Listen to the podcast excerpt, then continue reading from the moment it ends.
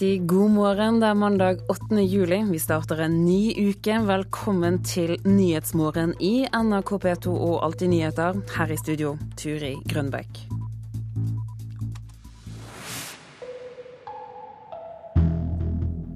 Vi starter med kommuner som nedprioriterer skolehelsetjenesten. De har flere alvorlige barnevernssaker enn andre. Det viser tall fra Norsk institutt for by- og regionsforskning. I dag er det svært stor forskjell på skolehelsetjenesten fra kommune til kommune.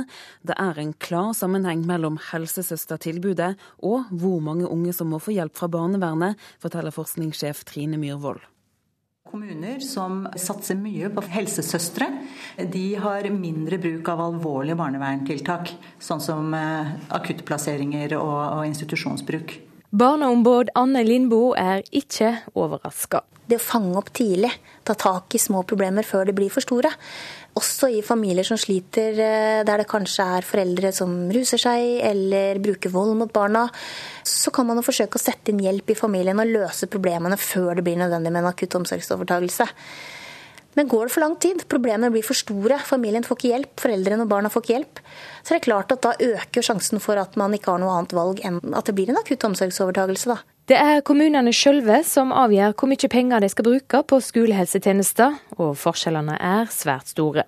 På flere skoler er helsesøster på kontoret sitt bare en halv dag annenhver uke. Andre skoler har vært uten helsesøster i lange perioder. Det virker altså, Hvis ikke det syns i pengesekken akkurat i dag, så blir det andre prioriteringer som hele tiden kommer høyere opp på lista. da. Elevene ved Uranienborg skole i Oslo er heldige. Der er det lett å komme til hos helsesøster Solveig Strand. Hun forteller at alle åttendeklassingene på skolen også har hatt besøk av skolepsykolog for å lære hva de kan gjøre når livet blir vanskelig. Vi tenker at det er viktig å nå ut til mange, og ikke bare ta imot de som søker hjelp fordi de har et problem, men ønsker å gi noe til alle i forkant av at problemene vokser seg store. Og det er viktig å ha helsesøster der. Det sier åttendeklassingene Klara Marie Glosli og Kristina Novakovic. Det er greit å ha en på skolen som du kan snakke med når du trenger det, og en som er her hvis f.eks. bare du skader deg, eller du har en dårlig dag, eller er lei deg, eller føler at ting ikke går så fint. Jo mer helsesøster på en måte besøker oss og snakker med oss, jo nærmere føler man på en måte at man kommer helsesøster, og at man da lettere kan snakke med henne. Man føler seg litt trygg, og at man kan stole på henne og sånn. Regjeringa har lagt 180 nye millioner på bordet i folkehelsemeldinga. Bra, mener barneombud Anne Lindboe, men det trengs enda mer for å få et godt tilbud overalt. Og hun stoler ikke på at kommunene ikke bruker pengene på andre ting. Det er utrolig viktig at midlene brukes til helsestasjon og skolehelsetjeneste ute i kommunene. og Derfor mener jeg at midlene bør øremerkes, så ikke fristelsen blir for stor til å bruke de på noe annet. Reporter her var Silje Sande. Varaordfører for Høyre i Trøgstad kommune i Østfold, Kristian Granli. Du har engasjert deg lokalt for å få flere helsesøstre på skole i nærområdet ditt. Hvorfor det? Jo, helsesøster har vært svært viktig for meg. Når jeg gikk på videregående, så benyttet jeg meg helsesøster. Og fant ut da at når jeg oppdaga det var fortsatt like dårlig på Mysen, som jeg har engasjert meg for nå, så måtte vi gjøre noe med det. På Mysen hadde vi 80% helsesøster. Og nå har vi fått 100% noe som er svært viktig. Hvorfor er det så viktig? Altså Det er lavterskeltilbud. Det er et sted hvor det er lett å gå til, og det er lett å kunne snakke om ting. Det er et sted så Helsesøster følger også elevene fra du er født til du er 18 år. Det eneste i Helse-Norge som følger deg hele veien. Så det er svært viktig. Dette med problemer som kan vokse seg store, hvor viktig er det å få det ut i lyset og få luftet det med en helsesøster? Det er kjempeviktig. Helsesøster er en billig investering. Det koster litt, men det kan redusere for store utgifter i framtiden. Det tar, kan stoppe store problemer, store sykdommer, som store psykiske lidelser. For deg, hvor viktig var det for deg å ha en person å komme til? Helsesøster var svært viktig. Veldig viktig. Og hun fikk hjelpe meg videre, som er der i dag. Jeg også husker hvordan det var å møte stengt dør hos helsesøster, noe som var veldig tøft. Og det syns vi ikke skal oppleve. Så i hvert fall på videregående og på ungdomsskoler må vi ha god helsesøsting, så det er lett å komme til. Så ikke bare bli sprøytedama. Ja, for sprøytedama, det er ofte det de gjør. Mm. Liksom, Hvordan vil du si at behovet er i dag da, for helsesøstre? Altså, alle videregående skoler i Norge burde hatt 100% helsesøster. Og i Østfold er vi langt under anbefalt nivå på nesten alle skoler. Og så her må vi bare bli bedre. Ser du noen sammenhenger mellom det lave helsesøstertilbudet og problemer? Selvsagt. Østfold har jo også mye sykdomsproblemer. Stort av det. Og en god helsesøstertilbud vil gjøre at man får det bedre. Jeg tenker at Skal man lære noe på skolen, så må man jo også ha godt med seg sjøl. Og da er eh, helsesøster helt grunnleggende i et godt samfunn. Så det er mur, mursteinen vår. Når du sier dette og sier at helsesøstre er en murstein i samfunnet vårt, hvordan, eh, hva slags reaksjoner møter du? Altså Jeg føler at folk er helt enig. Eh, vi politikere glemmer det bort litt. For vi har så mye viktig å snakke om. Vi har eldreomsorg, masse mer. Så derfor blir det litt glemt bort. Så det er viktig at vi politikere, lokalpolitikere blir påminnet hvor viktig dette er. Og denne Anne Limoser er så viktig. Hva skal til da for at uh, ikke alle skal oppleve det du opplever, nemlig å møte en stengt dør i en periode, men at de faktisk har en helsesøster å gå til? Så Det må være et politisk samarbeid tvers av eh, forvaltningsnivåene. Og det må være en politisk vilje på alle skoler. Eller, og, og alle, ja. Har du inntrykk av at den viljen er der i dag? Den viljen kan bli mye bedre. Kristian Granli, takk for at du kom hit til Nyhetsmorgen, altså varaordfører for Høyre i Trøgstad kommune i eh, Østfold. Vi skal bevege oss til Egypt, for det kommer nå meldinger om at minst 16 personer er drept i nye sammenstøt i dag, der det ifølge Det muslimske brorskapet. En talsmann for brorskapet sier at politi og sikkerhetsstyrker har angrepet tilhengere av den avgåtte presidenten, som har demonstrert til støtte for Morsi. Sigurd Falkenberg Mikkelsen, vår korrespondent, du er i Kairo. Hva vet du om det som skjer nå? Nei, Dette foregår rundt eh, presidentpalasset. Uh, unnskyld, rundt uh, Den republikanske gardens uh, hovedkvarter, hvor brorskapet har arrangert en av sine demonstrasjoner. Vi har fått rapporter om alt fra 16 til 34 mennesker som er drept. Det har ikke vært mulig å bekrefte disse dødstallene uavhengig. Eh, heller ikke hvordan det har eh, foregått. Men brorskapet sier at det var militæret og politiet som angrep en fredelig eh, demonstrasjon. Dette er jo en av de mest alvorlige voldsepisodene siden Morsi ble avsatt. Og det gjør jo at spenningen her i Kairo øker. Hundretusener har vært ute og demonstrert gjennom helgen. Fredag hørte vi at 30 personer ble drept i voldelige sammenstøt. Hvordan er stemningen i byen? Det var jo store demonstrasjoner eh, til støtte eh, for det som har skjedd de siste eh, dagene på Tahrir-plassen. Hundretusener av mennesker var der Eh, for både å eh, presse på for å få en ordentlig og inkluderende prosess eh, videre, men også til å vise støtte til, både til militæret og til de politikerne som nå forsøker å danne en regjering. Men det er en spent situasjon. Folk er urolige for, for hva som kommer. Og det er også et veldig stor grad et splittet folk her i Egypt nå. En av de tingene som er på trappene, er presentasjonen av en ny statsminister. Hvem er kandidatene? Altså, det er veldig viktig å få på plass en ny regjering raskt for å unngå et maktvakuum. Og jeg tror også det er viktig for militæret, med mindre de vil framstå som kuppmakere. Eh, men eh, det, er, det har vist seg vanskelig eh, av forskjellige årsaker. En del persongnisninger, men også da politiske uenigheter mellom de partiene som har støttet opp om denne prosessen militæret har satt i gang. Det gjelder da særlig det ytterliggående salafistpartiet Al-Noor, som har motsatt seg flere av kandidatene. I går kveld så virket det ganske tydelig som om at Siad Baha Eldin, en sosialdemokrat, at eh, tidligere uavhengig parlamentariker skulle bli ny statsminister. Eh, men det har også Al-Noor-partiet motsatt seg, akkurat som de motsatte seg at eh, Mohammed El-Baradei skulle bli ny statsminister tidligere. Stemningen er spent, som du sier. Hvordan lykkes overgangsregjeringen i å roe ned? Nei, For det første så må de få plass, på plass en overgangsregjering. Akkurat nå finnes ikke den. Uh, og Det er noe av problemet. Uh, det gjør at det ikke finnes noen ordentlige myndigheter. Uh, og det gjør at prosessene fort kan skli ut.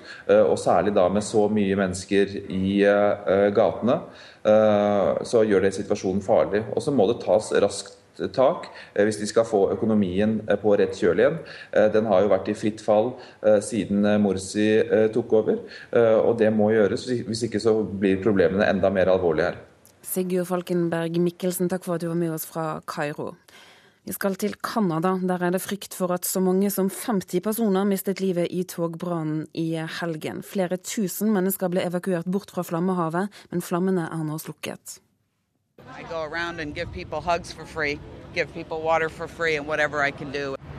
Jeg går rundt og gir folk klemmer. Det er det jeg kan gjøre, sier en av de frivillige som jobber blant de evakuerte etter togbrannen i Canada. Det bor kun 6000 innbyggere i den lille byen som lørdag kveld ble rammet av den verste togulykken i Canada siden 1956. Fortsatt er rundt 40 personer savnet.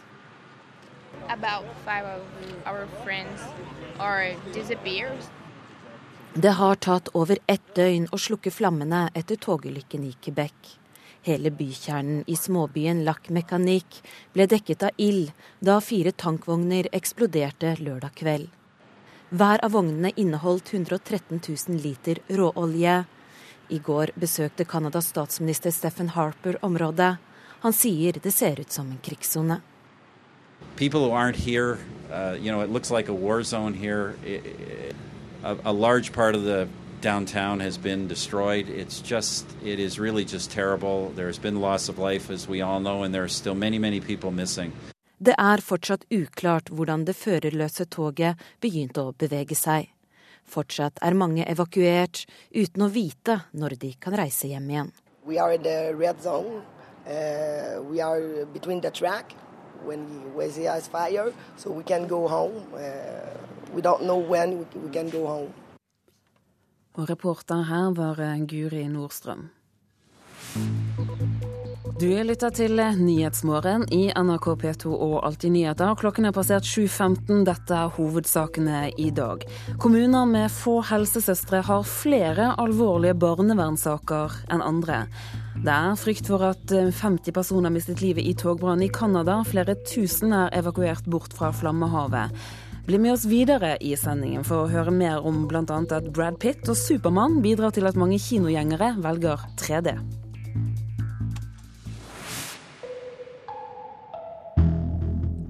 Men eh, nå først. Mindre bedrifter bør få tilskudd til inkludering på arbeidsplassen, selv om de ikke er med i avtalen om inkluderende arbeidsliv. Det mener arbeidsgiverforeningen Virke.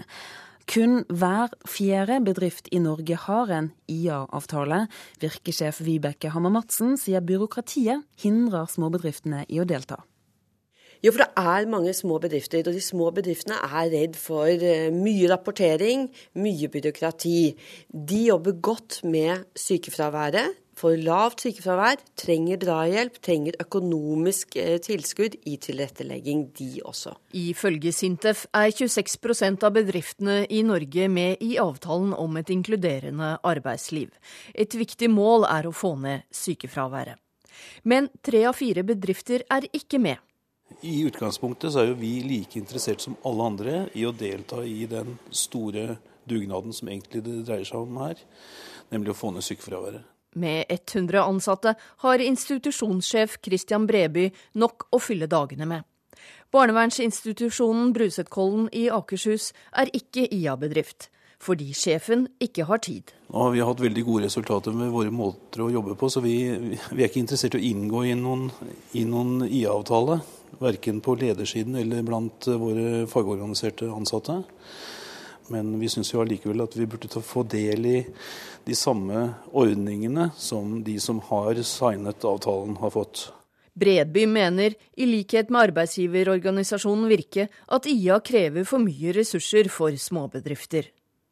Men alle burde jo få tilskudd til inkludering på arbeidsplassen, selv om en ikke er IA-bedrift, hvis en gjør jobben og får flere til å jobbe mer, sier Breby. For det er flest småbedrifter i Norge. Og for dem som er små, er IA en ressurskrevende papirmølle, sier virkesjef Vibeke Hammer-Madsen. Ja, altså målet med dette er å redusere sykefravær. Og da vil vi gjerne gi noe til alle de bedriftene som jobber iherdig med å redusere sykefraværet sitt, og ønsker seg mer graderte sykemeldinger, vel vitende om at da må de tilrettelegge, og det er krevende. Og da syns vi at alle bedriftene skulle få økonomisk bistand fra eh, staten på tilrettelegging. Reporter her var Hedvig Bjørgum. I dag møtes finansministrene i eurolandet, i Brussel. Den siste uken har bl.a. vært preget av politisk uro i Portugal, der bl.a. finansministeren har gått av pga. motstand mot sparepolitikken som han førte. Utenriksministeren har også trukket seg. Seniorøkonom i DNB Markeds Kjersti Haugland, hvordan er situasjonen i Portugal nå? Den er bedre enn det han så ut til å være før helga. Fordi eh, han utenriksministeren som du nevnte hadde eh, sagt at han ville gå av, han er nå forfremma eh, til visestatsminister av statsministeren i Portugal. Så nå har en klart å avverge ei politisk krise i Portugal. De to regjeringspartiene skal fortsette å styre sammen sammen. Eh, og de prøver da å gå mot en, eh, en større forståelse mot at eh, politikken må være litt mindre innstrammende i tida fremover enn det som i opprinnelsen var tenkt. Så re regjeringskoalisjonen, den er berget? Den ser ut til å være berga på nåværende tidspunkt, ja. De økonomiske problemene til Portugal, hvordan er de, hvis du kan beskrive de for oss? Ja, det er sånn at eh, Portugal har stor gjeld, og de, eh, står, de er på dette spareprogrammet til Europa, til Det internasjonale pengefondet. Og de må derfor gjennomføre tøffe kutt og reformer for å få skikk på underskuddene sine igjen.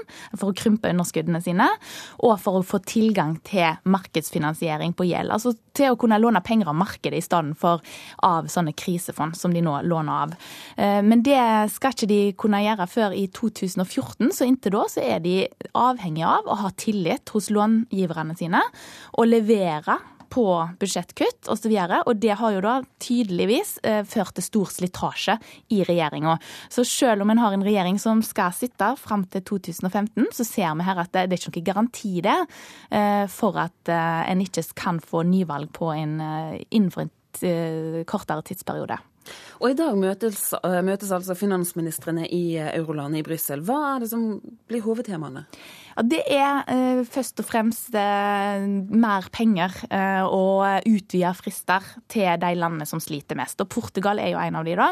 Kommer nok til å få utvida frister for, eh, for, tilbakebetaling eller å få lempeligere vilkår for sine lån. Eh, når det gjelder eh, Hellas, så er jo de nok en gang på toppen av agendaen. Eh, de er nå i sluttforhandlingene, kanskje er de ferdige nå når vi snakker, med delegasjonen fra långiverne som er der nede. De har ikke vært fornøyde med det Hellas har gjort f.eks. når det gjelder kutt av offentlige jobber, og eh, sier nå at Hellas må levere mye mer for å få tak i de, de låneutbetalingene som de allerede har blitt lova. Så her ser det ut til, da, ifølge rapportene, at eh, de kommer til en enighet. Hellas skal kutte mer enn eh, tidligere anslått på offentlige jobber, og i så fall så kan det gå mot nok en heving av lånebeløpet til Hellas og enda lempeligere vilkår. Hvordan Eh, står det til for euroen nå? Det, er, det, vi ser nå, er en eh, sakte, men sikker tilbakevending til en mer normal situasjon, der eh, budsjettunderskuddene i de forgjelda landene krymper. Vi ser at konkurranseevnen i flere av disse mest eh, trøblete landene har eh, blitt sterkere. Så vi ser at situasjonen blir bedre eh, på de variablene som vi er nødt til å se forbedring på hvis det skal gå veien for eurosonen på lengre sikt. Men i mellomtida så er det klart det er knalltøft. Det er skyhøy arbeidsledighet. Det er fortsatt fall i verdiskapningen, f.eks. da i Portugal. Og eh, det er ikke sånn at eh, det er noen enkle oppgaver som politikerne er i ferd med å gjennomføre. Men de lykkes, ser det ut som. Kjersti Haugland, takk skal eh, du ha. Vi skal snakke fotball nå. Molde-manager Ole Gunnar Solskjær han har ikke gitt opp kampen om medalje i Eliteserien.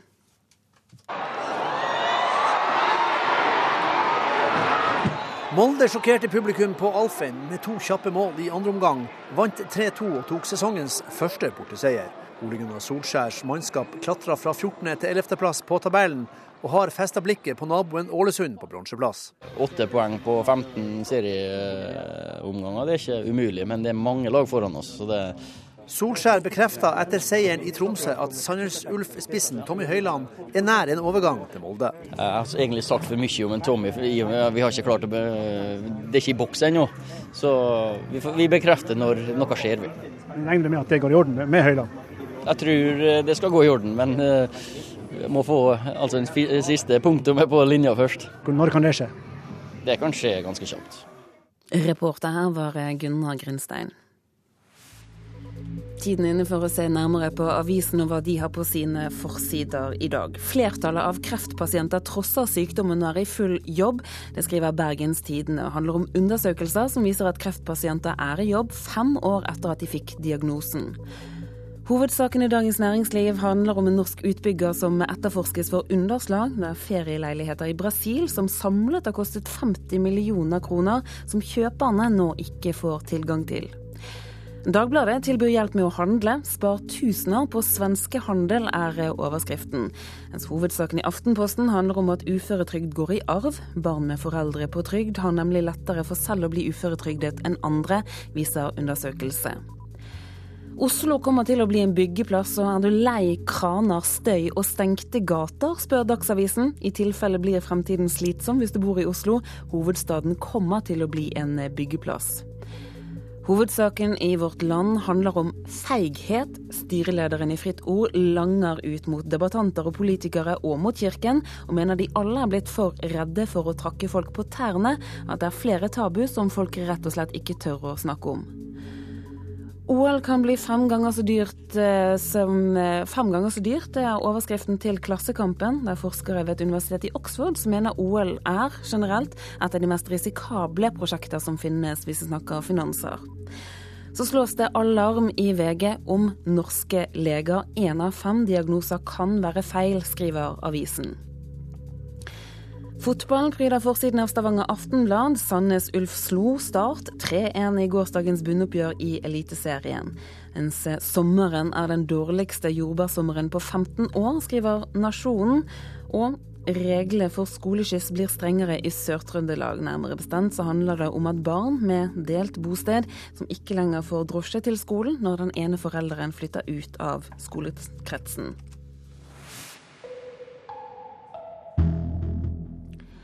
Hele 18% av båtførerne på Skudefestivalen på Karmøy i Rogaland ble målt til å ha over 0,8 i promille. Skipssjef Jan Skålheim i Kystvakten er bekymret over at mange tar lett på å kjøre båt etter å ha drukket alkohol. Det er bekymringsverdig, og eh, det er altfor høy konsentrasjon med påvirka båtførere. På sånne festivaler spesielt.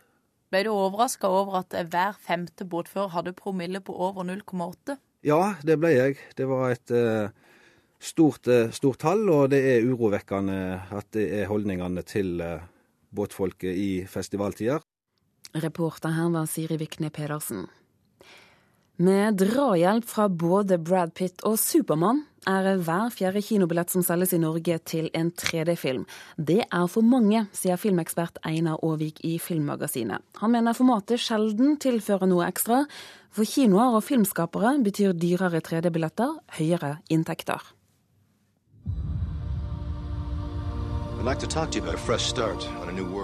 Det var en ny og frisk start 3D-filmene skulle få med storfilmen 'Avatar'.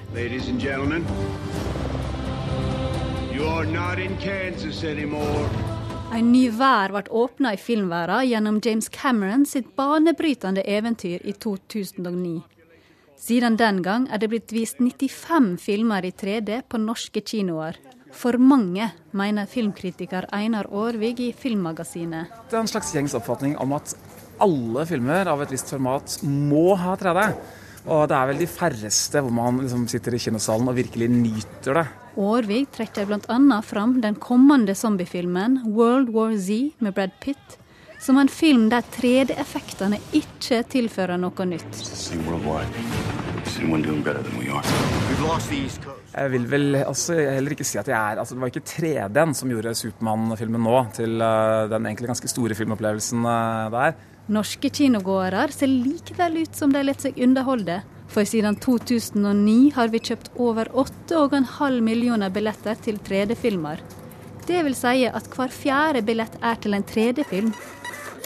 Så nå som eh, liksom, støvet har lagt seg litt av det nye fenomenet, så tror jeg kanskje det er mer kinoene og filmbransjen som, eh, som virkelig pusher på. Det er Åge hoffart hos filmdistributøren SF Norge, som for tida sender Supermann rundt om i landet i storfilmen Man of Steel. Han innrømmer at filmbransjen tjener mer penger på 3D-film enn på vanlig 2D-film. 3D-prisen for billettene er høyere. Den er en sånn 15-16-17% høyere enn den vanlige prisen. Og det er klart, eh, Hollywood-selskapene er veldig opptatt av å tjene penger, så eh, det er jo også grunn nok til å lage en film i 3D iblant. Hva syns dere om det, da? Nei, vi sitter jo også en del av inntektsstrømmen her, sånn at vi har jo ikke noe mot at eh, noen tjener mer penger enn de ellers ville ha gjort. Men jeg er jo enig i at det er en del filmer som ikke akkurat hever seg i 3D, men da kan man jo bare se dem i 2D. Og så er det jo da ganske mange filmer som blir betraktelig mye bedre i 3D enn i 2D. Så de vil jeg absolutt anbefale at man da ser i 3D. På Ringen kino i Oslo er publikum delt i oppfatninga av det tredimensjonale formatet. Det syns jeg er gøy. Det gir en uh, annerledes opplevelse av å se på film. Jeg liker det ikke. Bedre å se 2D egentlig, men det er litt spennende å se 3D òg. Reporter her, det var Jean Kristin Sena. Du lytter til Nyhetsmorgen i NRK P2 og Alltid nyheter. Du skal straks få Dagsnytt. Dessuten, i løpet av den neste halve timen får du utenriksreportasjen i dag fra Kenya om et kontroversielt forslag om ny moms på en rekke varer. Produsent i dag, Eli Bjelland. Her i studio, Turi Grønbekk. Sommer i P2. Jeg heter Lotte Konovlund, og jeg er billedkunstner. Og jeg skal ta deg med på en tur i Botanisk hage for å se lommetørkletreet blomstre. Jeg tar deg med på tegnekurs i Bredtvet kvinnefengsel, og jeg inviterer deg inn på atelieret mitt for å se på mens jeg jobber. Sommer i P2. Kjente stemmer inviterer deg nærmere. I dag klokken 15.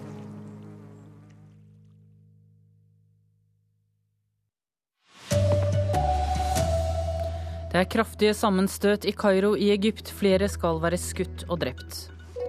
50 mennesker kan ha mistet livet i togbrannen i Canada i helgen. Og kommuner med få helsesøstre har flere alvorlige barnevernssaker enn andre. Her er NRK Dagsnytt, klokka er 7.30.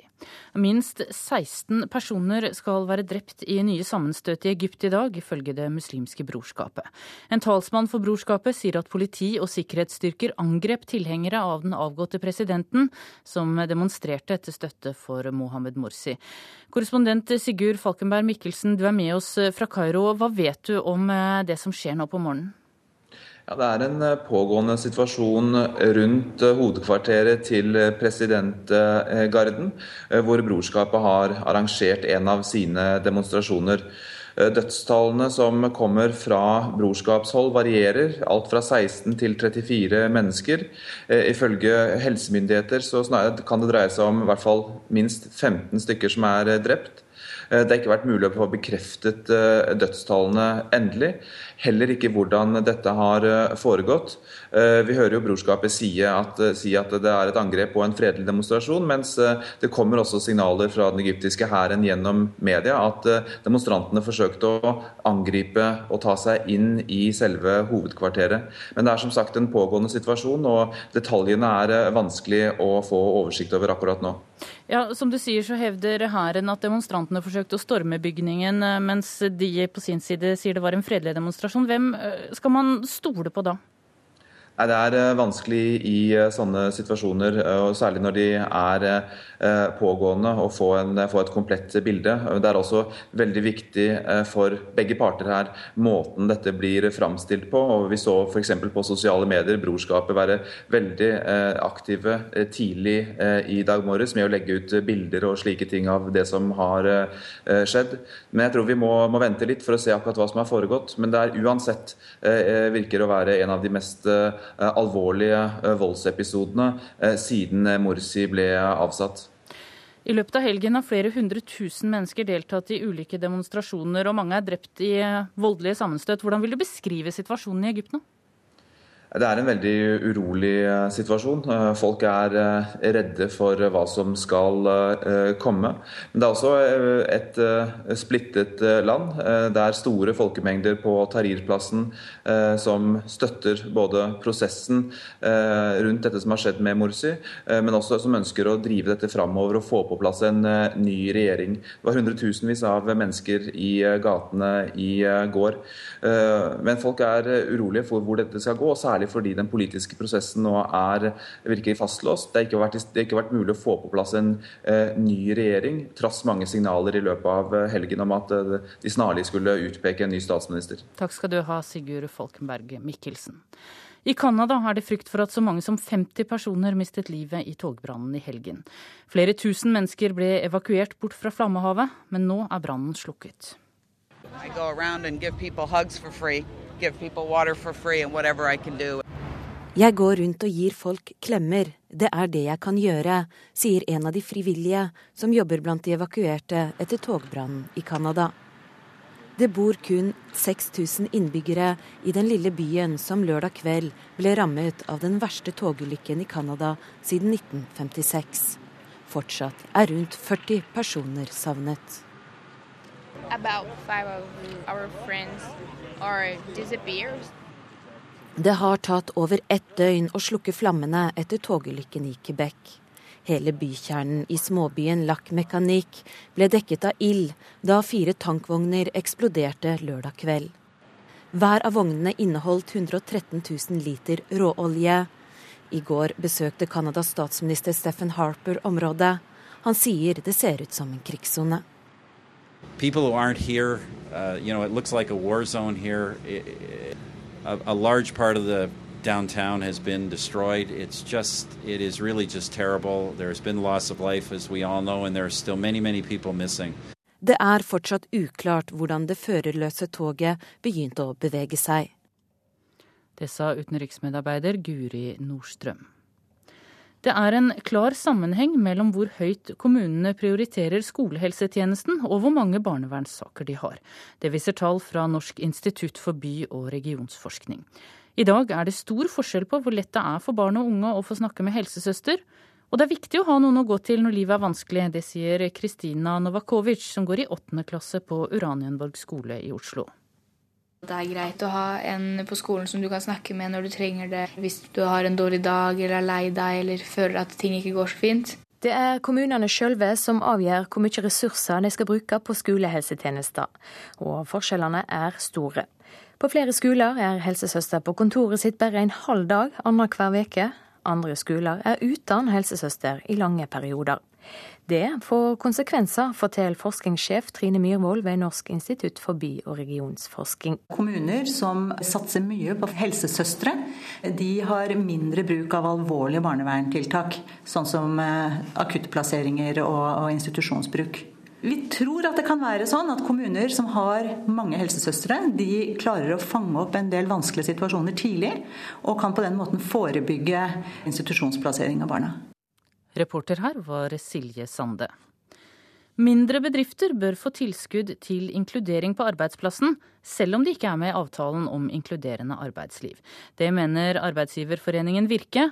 Bare hver fjerde bedrift i Norge har IA-avtale, og Virkesjef Vibeke Hammer Madsen sier byråkratiet hindrer, hindrer småbedriftene i å delta. Målet med dette er å redusere sykefravær. Og da vil vi gjerne gi noe til alle de bedriftene som jobber iherdig med å redusere sykefraværet sitt, og ønsker seg mer graderte sykemeldinger, vel vitende om at da må de tilrettelegge, og det er krevende. Og da syns vi at alle bedriftene skulle få økonomisk bistand fra eh, staten på tilrettelegging. Ifølge Sintef er 26% av bedriftene i Norge med i avtalen om et inkluderende arbeidsliv. Et viktig mål er å få ned sykefraværet. Men tre av fire bedrifter er ikke med. Jeg trenger enkle, ubyråkratiske virkemidler. Fordi at eh, vi er ikke i en økonomisk situasjon hvor vi har en stor administrasjon. Jeg har ikke noe stor HR-avdeling. HR-virksomheten i min bedrift det er samlet rundt meg. Med 100 ansatte har institusjonssjef Christian Breby nok å fylle dagene med. Barnevernsinstitusjonen Brusetkollen i Akershus er ikke IA-bedrift, fordi sjefen ikke har tid. Bredby mener, i likhet med arbeidsgiverorganisasjonen Virke, at IA krever for mye ressurser for småbedrifter. Men alle burde jo få tilskudd til inkludering på arbeidsplassen, selv om en ikke er IA-bedrift, hvis en gjør jobben, sier Breby. Vi syns jo allikevel at vi burde få del i de samme ordningene som de som har signet avtalen, har fått. Reporter her var Hedvig Bjørgum. Barn med foreldre på uføretrygd har lettere for selv å bli uføretrygdet enn andre barn. Det viser en stor studie fra Universitetet i Bergen. Jo lenger barn bor hjemme hos en uføretrygdet far eller mor, jo større er sannsynligheten for at barnet selv blir en trygdemottaker, skriver Aftenposten. Nå sport. Onsdag sparkes fotball-EM for kvinner i gang i Sverige. På herresiden i norsk fotball krysses fingrene for at Norge kjemper seg til medalje, selv om kvinnelandslaget har slitt tungt den siste tiden. Jeg setter meg sliten med resultatet de siste matchene. Det har vært tette kamper, men har ikke bikka helt dem så heller. Så så får vi håpe at det løsner litt for dem i, i mesterskapet òg. Sier Lillestrøm-kaptein Frode Kippe og sikter til landslagskvinnenes elendige statistikk før EM. Sju strake kamper uten triumf. Kan hende at gjør blir ekstra skjerpa, og det kan òg hende at du får en boost hvis du gjør det bra første kampen. Sier Vålerenga-trener Kjetil Rekdal, som tror Norges dårlige trend kan snu til ei rekke gode resultat om de bare slår Island i åpningskampen torsdag. Vi var jo, vi var jo dominant for en del år tilbake, så har vi mista hegemoniet. Men det er fullt mulig å, å spille jevnt med den beste beste og klare å vinne jevne kamper. og Kanskje til og med slåss om medalje, det tror jeg. Norge, som er i gruppe med storfavoritt Tyskland, Nederland og nevnte Island, kan i det minste forberede seg på publikumstrøkk under mesterskapen, tror vikingtrener Kjell Jonevred. Hele 70 000 billetter var solgt i starten av juni. Jeg tror at de har skruvet opp eh, både stemningen og forventningene ganske bra i Sverige, så det kan jo bli en eh, fest. Reporter i dette innslaget var Hans Henrik Løken. Det er Rolf Johansen som har ansvaret for Dagsnytt-sendingene denne morgenen. Det tekniske ansvaret har Hilde Tosterud. Her i studio Tone Nordahl.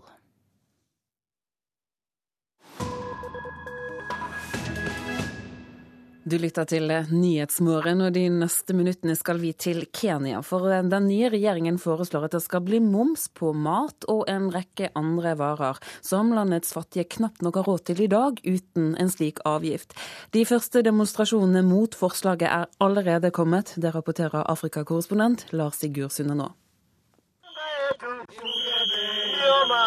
I protest på vei mot parlamentet i Nairobi. Et hundretalls demonstranter med sang og plakater som forteller at Ungarn ikke må bli dyrere. For det er Ungarn, maismelet, som holder liv i millioner av fattige kenyanere. Mange millioner. FNs siste oversikt forteller at 56% av innbyggerne i den østafrikanske nasjonen lever for mindre enn sju kroner dagen, som nå er blitt den internasjonale fattigdomsgrensen. I praksis betyr det mer enn 20 millioner kenyanere. Så fikk de vite at regjeringen vil legge 16% moms både på maismelet og en rekke andre forbruksartikler som hittil har vært unntatt for en slik avgift. I spissen for protesttoget Steven Motoro, generalsekretær for Kenyas forbrukerføderasjon. Our view is that uh, this is going to really up the cost of living. The cost of living go up, inflation is going to be higher. Vårt syn er at dette vil føre til økte levekostnader, større inflasjon, lavere produktivitet og økt arbeidsløshet og fattigdom, sier han. Vi ber derfor regjeringen om å være forsiktig og ikke lytte for mye til hva Det internasjonale pengefondet, IMF, ber den om å gjøre for å få orden på økonomien i Kenya. Protestene mot den nye momsen har ikke vært omfattende, ikke ennå. Og i parlamentet synes et flertall av de folkevalgte å ha forstått hvor kontroversiell innføringen kan bli. Det blir derfor ikke flertall for moms på maismelet og på brød når budsjettforslaget skal opp til avstemning om ikke så lenge. Men ellers kommer den, på alt fra melk, ris og bleier til medisiner, briller og strøm, for bare nevne noen av flere hundre produkter som hittil ikke har vært momsbelagt. På gatehjørnet i sentrum av Nairobi, der politisk interesserte kenyanere møtes og diskuterer samfunnsspørsmål, faller momsinnføringen ikke i god jord. Right now, our leaders are taking us for a ride. They are taking as if we are all being paid as they are, as they are being paid. Lederne våre skrur oss, sier Dixon Marita Niamvea. De tror vi tjener like mye som dem. Derfor vil de øke alt så de får penger til seg selv. Til store hus, flotte biler og høye lønninger. Og på toppen av det hele tar de imot bestikkelser også, sier han. I motsetning til demonstrantene som har protestert utenfor parlamentet i Nairobi, ser Kenyas ledende økonomer behovet for den nye momsen. Det er et stort hull mellom inntekter og utgifter i regnestykket som er lagt frem for budsjettåret 2013-2014. Hvis det ikke fylles med bl.a. ny moms og bedre skatteinnkreving, får også det store konsekvenser, sier Fred Omondi, partner i revisjonsfirmaet Deloitte Kenya. Down, to to, spending, is uh, Hvis dette svikter, må det tas opp lån for å finansiere utgiftene. Eller så må det kuttes i budsjettet, sier han. Og det som da normalt skjer, er at det rammer utviklingsprosjekter, siden det er vanskelig å få gjort noe med faste offentlige kostnader som lønninger osv. Dermed kan det gå ut over veibygging og annen infrastruktur, bedre skoler og helsestell. Prosjekter som vi virkelig trenger dersom Kenya skal gå videre fremover, påpeker Fred Omondi. Det sa Lars Sigurd Synne nå. Du lytter til Nyhetsmorgen i NRK P2 Alltid nyheter. Hovedsaker i dag morges er at det er kraftige sammenstøt i Egypt. Flere er skutt og drept.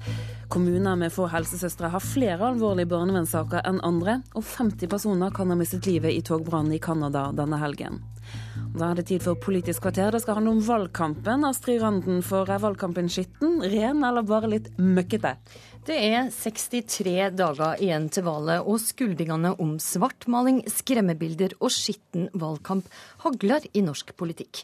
I Politisk kvarter spør vi hvem som har skulda.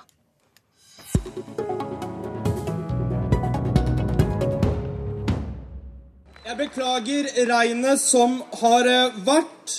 Erna Solberg var i nærområdet. Og jeg kan liksom se for meg Siv Jensen og Erna Solberg. Solberg som tralter og valter rundt. Eskil Pedersen gikk knallhardt ut mot de blå-blå under AUFs sommerleir sist uke. En regjering ledet av to kvinner som vil være den mest likestillingsfiendtlige på mange år. I Arbeiderpartiets verden er det ikke bare likestillinga som står i fare dersom de borgerlige vinner valget til høsten. Skal vi tro politikerne fra regjeringspartiet, blir det vanskeligere å være homofil. Norge som fredsnasjon blir en saga blått. Aviser over hele landet må legges ned. Arbeidslivet blir kaldt og brutalt. Sykehjemmene vil tenke mer på bunnlinja enn på gamlemor. Og privatskoler vil knuse den norske fellesskolen. Det kommer til å handle om en politikk for et rettferdig Norge der alle bidrar, eller mer til de som har mest fra før? Jeg karakteriserer ikke Jens som statsminister lenger. Han er skremmeren. Han er skremmeren. Han går rundt Kirkvåg en god gang. Han reiser land og strand og skremmer folk. Men det har ikke akkurat mangla på angrep fra Høyre og Frp heller.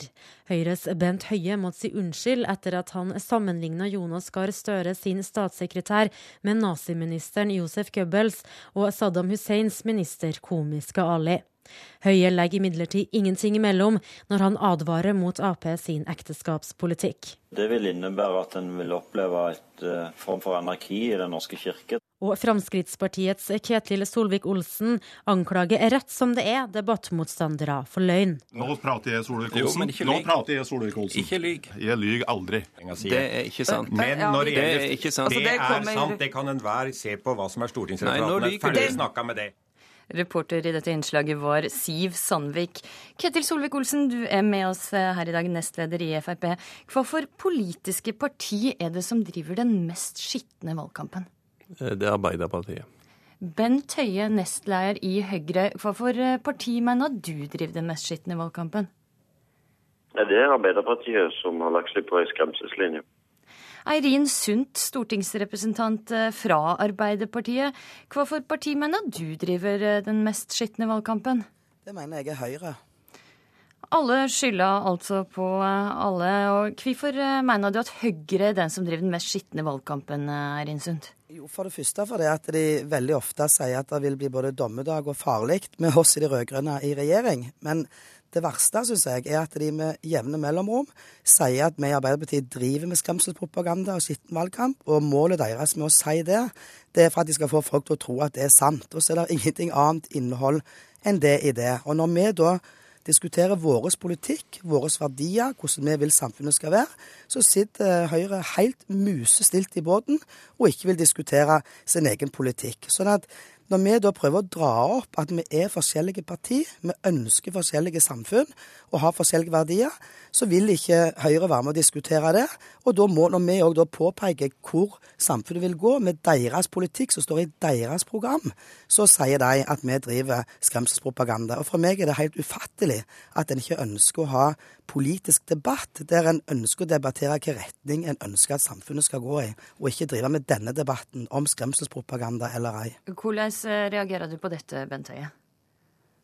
Nei, det er, bare, det, altså, det er ikke riktig. fordi at uh, Hadde det vært sånn at det var bare Høyre som sa at uh, Arbeiderpartiet drev med skremsler, så kunne det kanskje vært noe i det Erin her nå sier.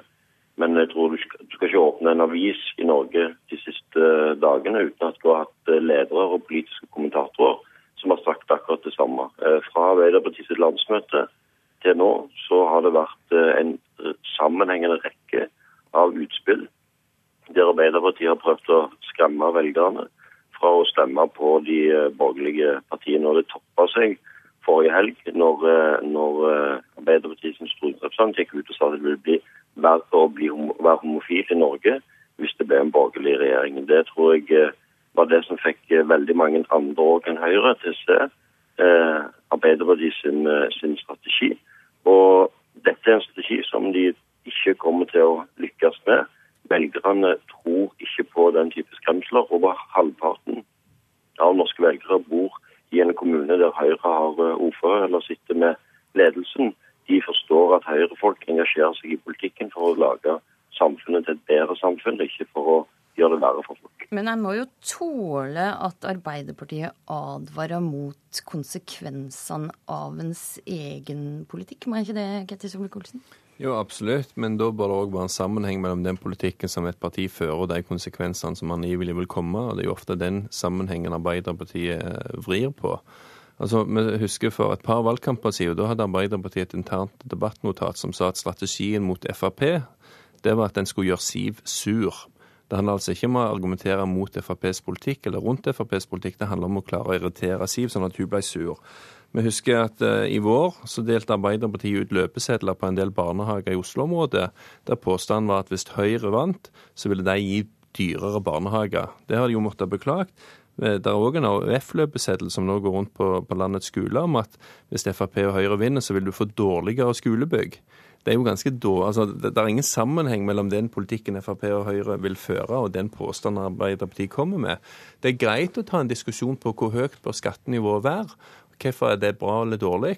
Men det å liksom påstå at hvis du endrer politikken fra dagens politikk, så setter du norsk økonomi over styr, det reagerer jeg på. Det Men Frp er vel ikke helt fremmed for litt hard ordbruk og karakteristikker i den politiske debatten, det heller? Det er helt riktig at vi har ofte måttet spissformulere oss for å komme med i den politiske debatten. Spesielt når partiet var mindre, så var det Carl I. Hagens måte å komme med og gjøre seg relevant på. Ja, ikke men, det Arbeiderpartiet jo, da. jo, men en ting er å spissformulere seg, en annen ting er bevisst vri og vrenge på hva motparten sier. Det er det vi ofte da reagerer på. F.eks. Så, så var Stoltenberg ute forrige uke og sa at Frp vil gi skattelettelse i 100 milliarders kroneklassen til de aller rikeste. Men i det regnestykket så tar han altså med seg økning i minstefradrag, ja, økning i bompenger Nå skulle vi ikke gå inn men, men, på de konkrete sakene. Uh, Eirin Sundt, AUF-leder Eskil Pedersen uh, sa på uh, AUF sin sommerleir at han så for seg Erna Solberg tralte og valte rundt. Er dette over streken? Jeg, jeg, jeg, mener at vi skal ha debatter der det skal være temperatur, det kan være humor, en skal kunne spissformulere seg. Men jeg syns at si, både den ene og den andre skal passe seg for i forhold til å karikere folk. Eh, for sånn å gjøre det morsomt, eller for sånn å på en måte eh, trykke noe ned. Men, men det som jeg syns er rart, er litt at jeg tror folk som skal stemme med valget, er lei av at vi driver og skyter på hverandre eh, og snakker om alt annet enn politikken. Hadde vi på en måte kunnet hatt den politiske debatten der vi forteller hva vi vil. Vi i Arbeiderpartiet vil sånn og sånn, Høyre vil sånn og sånn, Frp vil sånn og sånn. Men hvis du tror at folk er lei av det, hvorfor fortsette Nei, med å gjøre det da? Ja, men jeg mener at vi ikke gjør det. Altså, det som er så påfallende, syns jeg, og nå tenker jeg på Høyre spesielt, det er at når vi ønsker en samfunnsretning, når vi ønsker mer fellesskap og at alle skal med, så, så sier Høyre, og de blå-blå for den saks skyld, at de ønsker en annen retning på samfunnet. Da må de fortelle hva er det de vil at det skal være, og hva er det det vil gå på bekostning av. Og det er klart at vi står opp for våre verdier, og vi debatterer med bakgrunn i at de ønsker vi skal fortsette, og så forteller vi om konsekvensene av en blå-blå politikk. Og når vi gjør det, så skremmer vi ikke. Da forteller jo. vi jo om det. Vi forteller jo om hva Høyre og Fremskrittspartiet vil med sine program.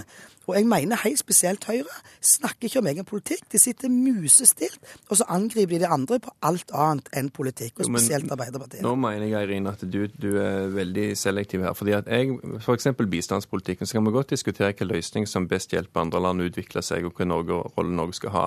Men det som vi jo hører fra, fra dere, det er jo at hvis en ønsker en annen bistandspolitikk, så ønsker vi òg å ta livet av de fattige i Afrika. Det er jo det vi får slengt i trynet. Og da handler det ikke lenger om å diskutere politiske løsninger. Da handler det om å svartmale og karakterisere motparten på en svært negativ måte. Det, det, er altså ikke å diskutere politikk i min verden, selv om det gjerne er det i rød-grønn verden. Nei, ikke, jeg mener ikke at det er sånn en skal diskutere politikk. Nei, men det var Heikki Holmåsen tilnærming ja, i debatten. Men jeg tror vi kan finne eksempel fra både den ene og den andre som ikke er gode eksempel. Men poenget mitt er at eh, hvis vi kunne debattert politikken, stått opp for den politikken som vi på en måte står for, og fortelle til det norske folk at ja, med Høyre og Fremskrittspartiet i regjering så vil det bli sånn og sånn, og så kan vi snakke om hvordan det er og vil bli med oss, og så må vi få lov å snakke om konsekvensene av hverandre sin politikk uten at en skal bli beskyldt for å drive med skremselspropaganda. Bent, Bent Høie, Høyre testa, Høyre testa ut skremsel som strategi i valgkampen i 2005. Det advarer mot den røde fare mot kommunen kommunister i Finansdepartementet og høyere rente. Hvordan eh, syns du det fungerte? Nei, Det fungerte veldig dårlig. og Det er jo det vi har uh, sagt i etterkant. at Den type valgkampstrategi som Arbeiderpartiet har lagt seg på, er en valgkampstrategi som uh, velgerne ikke liker. Det, det som Erin Sund sier nå, det syns jeg er helt riktig. Uh, så jeg håper at Arbeiderpartiet nå hører på Erin Sund og legger om sin, sin strategi. Eh, vi har hatt eh, som strategi helt siden 2005 eh, å snakke om egen politikk. Vi har presentert nye ideer og bedre løsninger for Norge på de aller fleste områdene. Vi har presentert en rekke forslag i Stortinget. Og hver gang vi er i en politisk diskusjon, så sier vi at Norge er et bra land å bo i. Veldig mye går bra, men vi har nye løsninger på, på andre områder og presentere de. Eh, sånn at den strategien hadde vi klart å holde den politiske debatten på det nivået, Ringsund, så hadde dette blitt mye mer interessant og mye mer spennende for velgerne. For velgerne er ikke så dumme at de lar seg eh, skremme av den type, type skremsler som, eh, som Arbeiderpartiet Det er altså 63 dager igjen til valget, og vi får se om valgkampen vil fortsette å være skitten, eller om den vil være rein. Takk for at det var med i Politisk kvarter.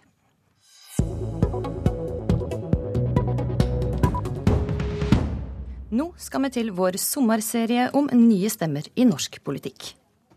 Seher kom jo til Norge eh, som tolvåring, eh, og ti år seinere er hun leder i et ungdomsparti.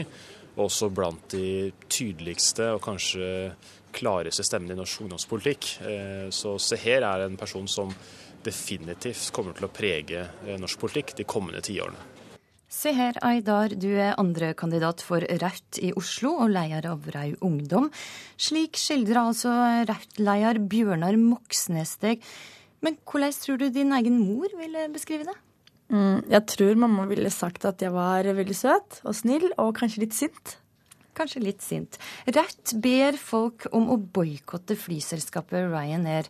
Men har du sjøl flydd med selskapet noen gang? Ja. Eh, det har jeg for lenge siden. Det er jo litt pinlig? Ja, veldig pinlig. Men jeg kommer aldri til å gjøre det igjen. Hvis Raut skulle komme i regjering, hva for statsrådspost kunne du helst tenkt deg å ha da? Jeg tror jeg ville blitt finansminister. For da kunne jeg jo skatte de rike ganske mye og dele det på resten. Eller så hadde jeg blitt kunnskapsminister for å lage en skole for alle og fjerne leksene. Det hadde vært gøy. Store mål der, altså. Du kom til Norge fra Tyrkia som tolvåring og blei med i Raut Ungdom som 15-åring. Hva var det som førte til at du blei kommunist? Eh, jeg skjønte at, var, eh, at, man kunne være mot kapitalisme uten å være sovjetkommunist. Skjønte at eh, alle de tingene jeg mente om et rettferdig samfunn, at det skulle ha folk først og ikke penger, at det var kommunisme. Så det var liksom ikke noe man ble frelsa over natta, og så ble man det. Men det skjedde gradvis.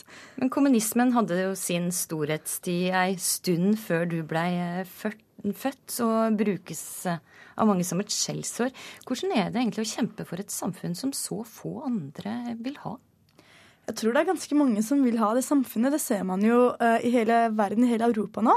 Flere som driver og demonstrerer fordi de har mista jobben sin, fordi de har en usikker fremtid pga. EUs uh, høyrepolitikk. Det er ikke så mange i Norge, Norge, har skjønt det. Også i Norge er det veldig mange som er mot uh, at man skal ha større forskjeller.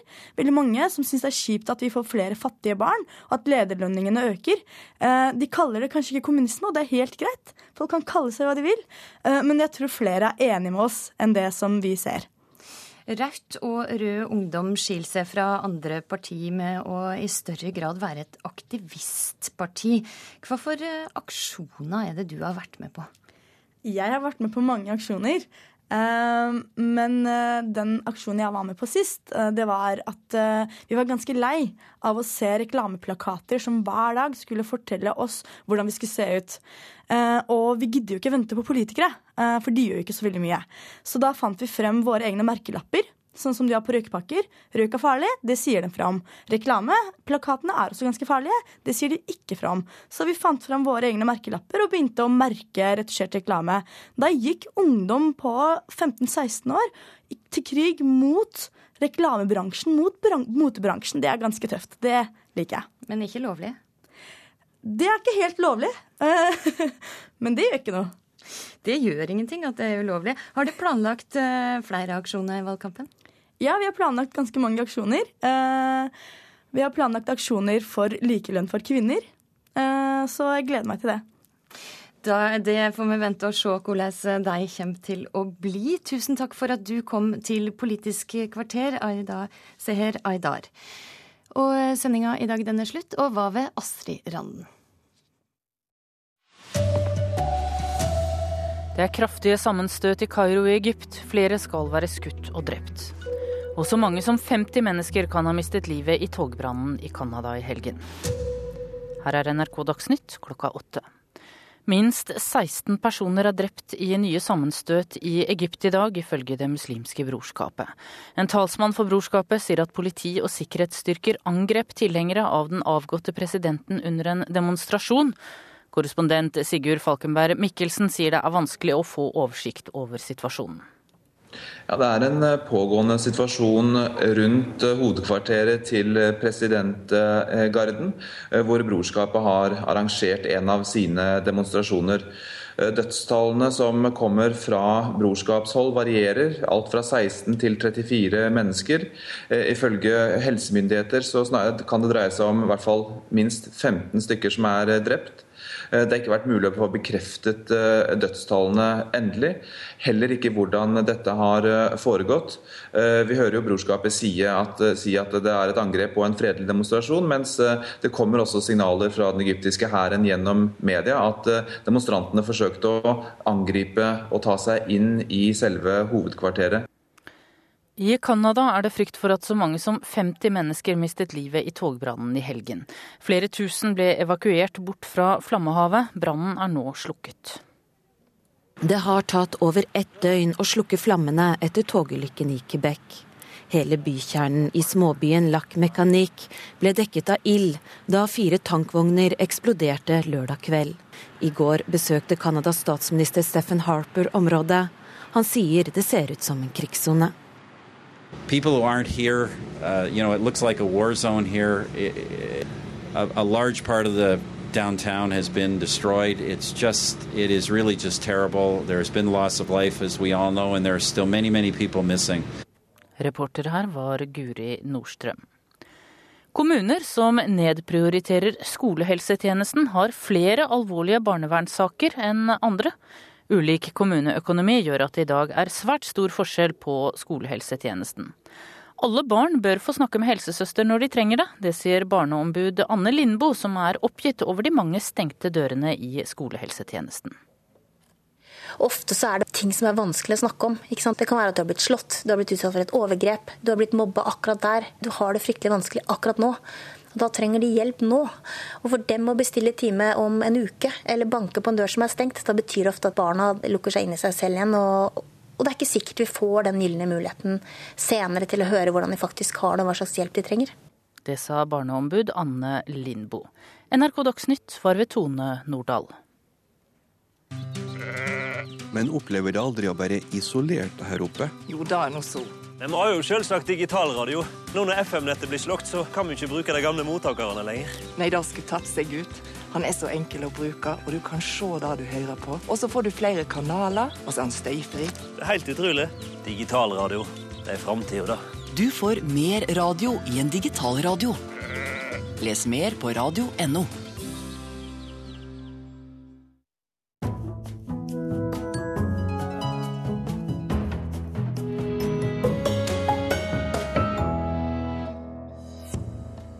Hver fjerde kinobillett er til en 3D-film. Det er for mange, mener filmekspert. Kun én av ti ser at sendinger med produktplassering er merket. Ikke godt nok, ifølge Medietilsynet. Og vi skal til Lenvik i Troms, hvor de jobber med, med å ta vare på landets kanskje eldste campinghytte for kirkegjengere. Lirekassemusikk står også på programmet, for trodde du musikken fra de store spilledåsene hadde gått ut på dato, må du tro om igjen. Vi skal til lirekassefestival i Berlin. Du hører på Kulturnytt med Elisabeth Tøtte Hansen i studio. Med drahjelp fra både Brad Pitt og Supermann er hver fjerde kinobillett som selges her til lands nå til en 3D-film. Det er for mange, sier eh, filmekspert, som mener formatet sjelden tilfører noe ekstra. For kinoer og filmskapere betyr dyrere 3D-billetter høyere inntekter.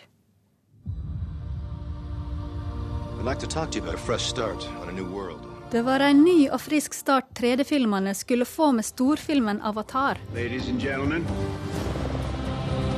You are not in Kansas anymore. En ny vær ble åpna i filmverden gjennom James Cameron sitt banebrytende eventyr i 2009. Siden den gang er det blitt vist 95 filmer i 3D på norske kinoer. For mange, mener filmkritiker Einar Aarvig i Filmmagasinet. Det er en slags gjengs oppfatning om at alle filmer av et visst format må ha 3D. Og det er vel de færreste hvor man liksom sitter i kinosalen og virkelig nyter det. Aarvig trekker bl.a. fram den kommende zombiefilmen 'World War Z' med Brad Pitt, som en film der 3D-effektene ikke tilfører noe nytt. Jeg vil vel altså, heller ikke si at jeg er altså Det var ikke 3D-en som gjorde Supermann-filmen nå til uh, den egentlig ganske store filmopplevelsen uh, der. Norske kinogåere ser likevel ut som de lar seg underholde. For siden 2009 har vi kjøpt over 8,5 millioner billetter til 3D-filmer. Det vil si at hver fjerde billett er til en 3D-film. Så nå som eh, liksom, støvet har lagt seg litt av det nye fenomenet, så tror jeg kanskje det er mer kinoene og filmbransjen som, eh, som virkelig pusher på. Det er Åge hoffart hos filmdistributøren SF Norge, som for tida sender Supermann rundt om i landet i storfilmen Man of Steel. Han innrømmer at filmbransjen tjener mer penger på 3D-film enn på vanlig 2D-film. 3D-prisen for billettene er høyere. Den er en sånn 15-16-17% høyere enn den vanlige prisen. Og det er klart eh, Hollywood-selskapene er veldig opptatt av å tjene penger, så eh, det er jo også grunn nok til å lage en film i 3D iblant. Hva syns dere om det, da? Nei, vi sitter jo også en del av inntektsstrømmen her, sånn at vi har jo ikke noe mot at eh, noen tjener mer penger enn de ellers ville ha gjort. Men jeg er jo enig i at det er en del filmer som ikke akkurat hever seg i 3D, men uh, da kan man jo bare se dem i 2D. Og så er det jo da ganske mange filmer som blir betraktelig mye bedre i 3D enn i 2D, så de vil jeg absolutt anbefale at man da ser i 3D. Det er nærmere 40 titler som kommer til å være i 3D i 2013. Sier daglig leder ved Oslo kino, Jafar Altememi. Han mener den store mengda 3D-filmer er uproblematisk. Vi eh, ønsker å tilby våre publikum de alternativene som finnes på markedet. På Ringen kino i Oslo er publikum delt i oppfatninga av det tredimensjonale formatet. Det syns jeg er gøy. Det gir en uh, annerledes opplevelse av å se på film. Jeg liker det ikke. Det er bedre å se 2D egentlig, men det er litt spennende å se 3D òg. Og Årvig sjøl, han har et lite ønske for framtida. Kanskje, kanskje, enda litt mindre 3D. Hadde, jeg hadde ikke blitt lei meg da. Reporter i denne saken, det var Jean Kristin Sena. Kjetil Ismoen, redaktør for bransjebladet Rushprint og filmanmelder i Aftenposten. Hva syns du selv om 3D-film? Eh, eh, jeg syns 3D er en fantastisk innretning, men eh, slik den brukes i dag av de fleste filmskapere og, og filmprodusenter, så, så, gir det ikke så mye mening, og det gir ikke noe fordypende filmopplevelse. Hvorfor det? Fordi, som det nevnes her, det brukes altfor ofte som en slags gimmick for å, å, heve prisen på kinobillettene, og egentlig lite annet. Altså det er ingen som utforsker formatets muligheter. Men hva, hva er sånn utfordringen da med å, å se 3D-film? Du snakker om å ikke utfordre formatets muligheter, men som publikum da å se det, hva er utfordringen der? Altså, Jeg tror at publikum syntes jo i begynnelsen at dette var spennende. Og, og, og det tilfører jo Altså, enhver film som kommer i 3D, har noe ekstra. Men jeg syns det er fint lite i forhold til hva du betaler for. Eh, så veldig ofte så blir det bare en slags gimmick eh, som på en måte ikke har noe, har noe ved seg. Og det syns jeg er fryktelig synd, fordi for første gang i filmhistorien så har jo 3D nå fantastiske muligheter. Men uh, ren latskap og profittjag fører til at man ikke gidder å utforske det. Men altså, det er noen som, som prøver. Uh, det er det. Ja, hvilke regissører er det som får det til, da? Altså Akkurat nå så er det de store, altså de store blockbusterne er få av de som, som, som prøver virkelig hardt. Uh, mens du har mer, hva skal vi si uh, Arthouse-regissører, som det kalles. Altså som uh, la oss si Martin Scorsese og Wim Wenders viste i, sine filmer. Og som Hugo Cabret og, og Pina, dansefilmen. Der, der, forsøkte de å, å, finne ut litt av altså De var litt nysgjerrige på formatet. Hva kan jeg uttrykke med dette nye formatet som jeg ikke kunne før? De stilte seg helt sånne essensielle spørsmål, og så tok de det på alvor. Hva er det de gjør da som er annerledes? Tror, det er ikke noe hokus pokus når man sitter her i kinosalen, og, for da kan man virkelig oppleve altså, det tredimensjonale. Altså det at man kommer inn i filmuniverset på en, på en måte som du kanskje ikke har, opplevd før. Eh, og det er jo det man burde gi publikum, en sånn unik opplevelse. Og da kan man eh, slå seg på brystet og si 'kom og se 3D-film', dette er helt unikt. Men i dag så tror jeg forbruker... eh, ville altså Hvis de gikk gjennom disse lovnadene som kommer fra filmselskapene, så, så ville de kanskje gitt dem en anmerkning. Men, men, nå er det jo slik da, altså at hver fjerde kinobillett som selges, altså er til en, en 3D-film. Men er det noe publikum virkelig ønsker, tror du, eller er det noe de blir styrt mot? Det er noe de blir styrt mot, eh, men også noe de ønsket i begynnelsen. Nå, nå er jeg litt usikker lenger på hva, hva, egentlig publikum ønsker i forhold til det. Altså, de, de, de, de har jo ikke noe valg, men, men jeg merker meg det at, altså, som det ble nevnt her, at publikum er jo splittet i synet på det her. Og, og jeg tror også at det er et sånt generasjonsskille. Eh, men ja, generasjonsskille. Men 3D-formatet det er jo ikke noe nytt. Hva er forskjellen før, på, før og nå? Altså, Forskjellen er jo at eh, på 50- eller 60-tallet, når det kom 3D eh, første gang, så var det bare en ren gimmick. Det var for å, å, å møte konkurransen fra TV. Og, og, og, altså, man kledde seg med keiserens nye klær, på en måte.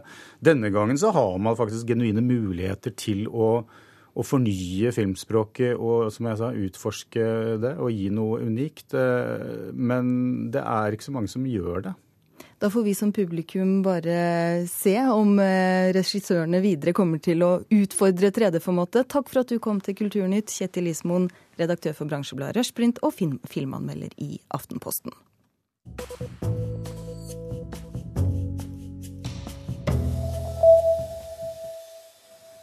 Ane Dahl Torp spiller hovedrollen i Bent Hamers nye film 1001 gram. For første gang har den kritikerroste regissøren, som er kjent for å ha sterke mannsroller i sine filmer, valgt en kvinnelig hovedkarakter. Ifølge Dagbladet var det innspill fra Hamers kone som førte til at hovedrollen denne gangen ble kvinnelig. Og valget det falt på Ane Dahl Torp, som spiller vitenskapskvinnen Marie.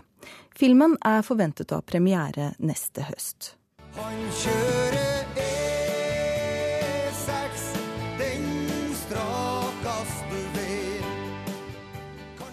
DDE har landets mest patriotiske publikum. I en analyse fra musikktjenesten Vimp kommer det fram at brukerne fra Namsos hører 708% mer på bandet enn brukere fra resten av landet. På listen bandet topper finner man også Åge Aleksandersen og DumDum Boys. Daglig leder ved Norsk ressurssenter for pop og rock i Namsos sier til adressa.no at han tror forklaringen bak den spesielle patriotismen er at DDE synger på dialekt. Og oljelandet Norge er blitt et søppelberg. Det sier stortingskandidat i Aust-Agder Senterparti Kåre Gunnar Fløystad. Etter å ha vært på HV-festivalen i Arendal og sett hvordan ungdom kaster fine telt etter festivalen, mener han det må en kraftig holdningsendring til. Jeg syns jo det er betenkelig at uh, ungdom nå har så mye penger at man legger igjen fullt brukbare ting fordi man ikke gidder å ta det med seg hjem og at eh, fullt brukbare telt, soveposer og annet skal bli søppel fordi vi ikke gidder å ta det med oss hjem, det er et tegn på at eh, vi har eh, for mye penger. Og Hva kan man gjøre for å snu denne trenden? Jeg tror vi er nødt til å gjøre noe med bevisstheten hos unge.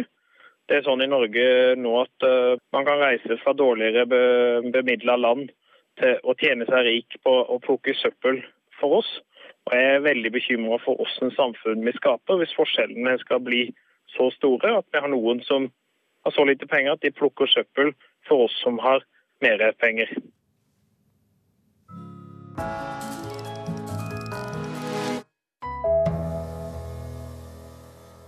Fra 1.1 har det vært lov med produktplassering på norsk TV.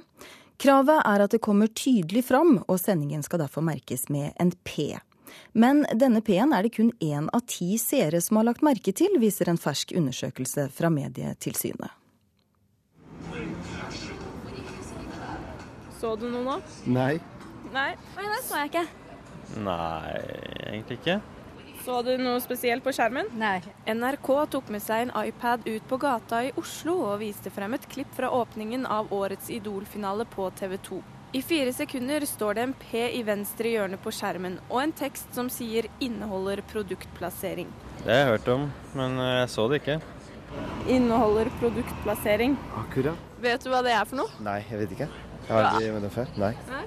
Du vet ikke hva produktplassering er? Nei. Det er litt utydelig hvis det bare er en P som kommer frem der, og man må vite hva den P-en eh, står for. Kun én av ti som NRK møtte, så merkingen eneste jeg la merke til, var at det kom opp en sånn der eh, produktplassering kan forekomme-aktig. Ja. ja. Det gir litt mer sånn aksept for at ja, OK, her er det produktplassering, og vi vet det. En fersk rapport fra Medietilsynet viser akkurat det samme. Ni av ti har ikke sett denne merkingen. Fra 1.1 i år ble det åpnet for produktplassering i norske TV-produksjoner. Ifølge kringkastingsloven skal seerne på en nøytral og tydelig måte bli oppmerksom på at programmet inneholder produktplassering. Merkingen er ikke bra nok slik den er nå, sier Lars Erik Krogsrud, rådgiver i Medietilsynet. Vi mener jo at det er viktig at seeren vet når han blir utsatt for reklamebudskap, sånn at han kan skjerpe årvåkenheten, ikke minst i forhold til at den eh, redaksjonelle integriteten hos kringkasteren jo også skal ivareta seg sånn. Så det er veldig viktig at ikke det blir sammenblanding av redaksjonelle budskap og kommersielle budskap på en sånn måte at, eh, at seeren kan bli forvirra. Frode Elton Haug, juridisk direktør for Forbrukerombudet, ser også på klippet fra Idol-finalen. Der eh, står det en liten P oppi hjørnet med informasjon om at det er produktplassering. Der har de jo merka det, da. Men det er jo noe som står på skjermen i noen sekunder. Det vil jo sikkert være mange som ikke får med seg den. Forbrukerombudet har hele tiden vært skeptisk til at spesielt barn og unge nå blir utsatt for produktplassering gjennom programmer som f.eks. Idol. Vi har vært spesielt opptatt av uh, unger, barn og unge som uh, ser på TV, og særlig sånne familieprogrammer da, der det er mange unge såre, og vi mener jo at uh, en større grad skulle kunne beskytte barn og unge mot uh, produktplassering i, i slike programmer. Det er TV 2 som har utformet P-en slik den står nå. Konsept- og sponsoransvarlig i TV 2, Espen Barås By, er klar over at barn og unge blir utsatt for produktplassering i noen av deres programmer, men ser ikke det som et problem. Nei, vi, vi forholder oss til regelverket som uh, Kulturdepartementet har utformet og Medtilsynet har satt til å håndheve. I undersøkelsen til Medietilsynet er det kun 40% av de som har lagt merke til merkingen, som vet hva produktplassering er. Barås by vurderer nå om de skal opplyse seerne på andre måter, i tillegg til P-en og teksten inneholder produktplassering. Men vi, vi skjønner også det at vi, vi, er nødt til å bruke lengre tid på å forklare seerne hva eh, denne P-en betyr, så vi kommer til å fortsette med også teksten som, som forklarer det. Og reporter det var Kristine Amdam. Ja, klokka den har blitt 17-18 eh, minutter over åtte. Du hører på Kulturnytt i Nyhetsmorgen, og her er de viktigste sakene i nyhetsbildet akkurat nå. Det er kraftig sammenstøt i Kairo i Egypt. Flere skal være skutt og drept.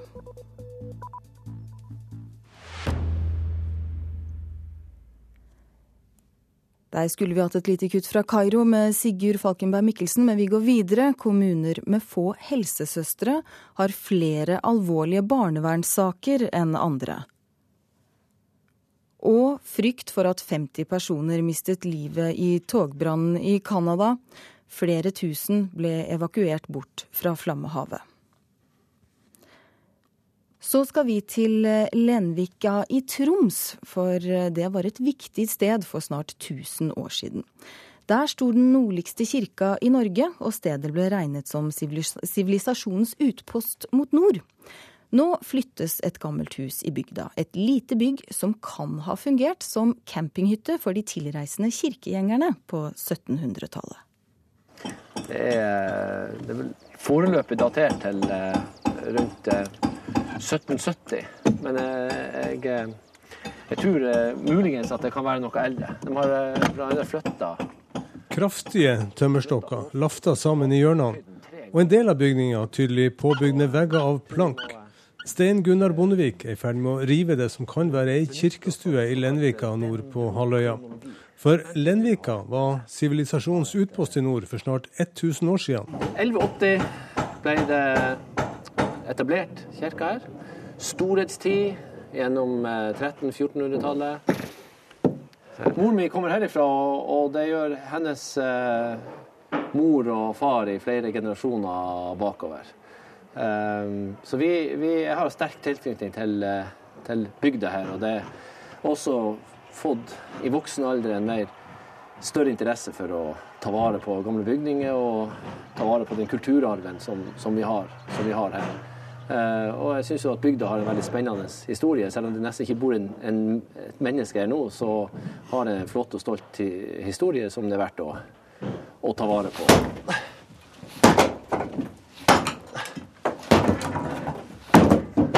Nå blir bygget plukka ned for å bli satt opp igjen en kilometer lenger nord, der Bondevik allerede har ei hytte av ei anna kirkestue. Det er proffe snekkere. Det er veldig imponerende arbeid her også. Du ser her, det er nøyaktighet og man har funnet riktig materiale. og Det er virkelig, virkelig imponerende. Altså.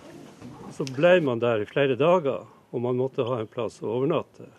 Og Dermed så ble det bygd kirkestue på kirkestedet, like ved prestegården, da, i dette tilfellet i Lenvika. Det var jo et utbredt fenomen at man organiserte det på den måten. Så folk kom da fra hele prestegjeldet til kirkestedet, og eh, i kirkehelger så var man opptil flere dager da på stedet. Kåre Røe bestyrer ved Lenvik bygdemuseum på Bjoralnes litt lenger sør. Han bekrefter den unike historien til Lenvika og kirkestuene.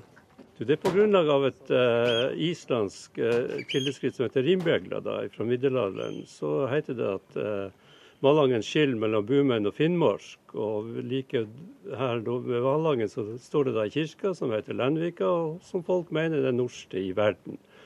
Og det, da, det, kan man da føre da tilbake til ca. 1170-tallet.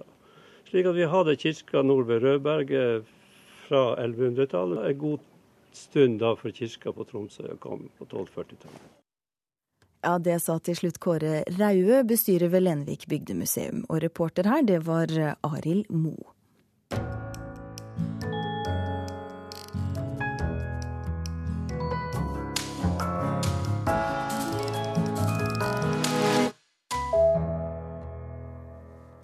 Den 25-årige forfatteren Sunniva Relling Berg skriver kompromissløst om ungdom på randen, og viser et sjeldent talent. Det mener vår anmelder Anne Katrine Straume, som har vurdert romanen 'Beina i gitaren'.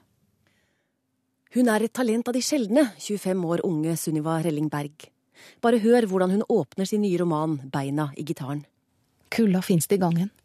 Framleis kjenner det grepet hans om ankelen, som ei varm fotlenke Bo, 16 år eller der omkring, er på hytta med mor og far.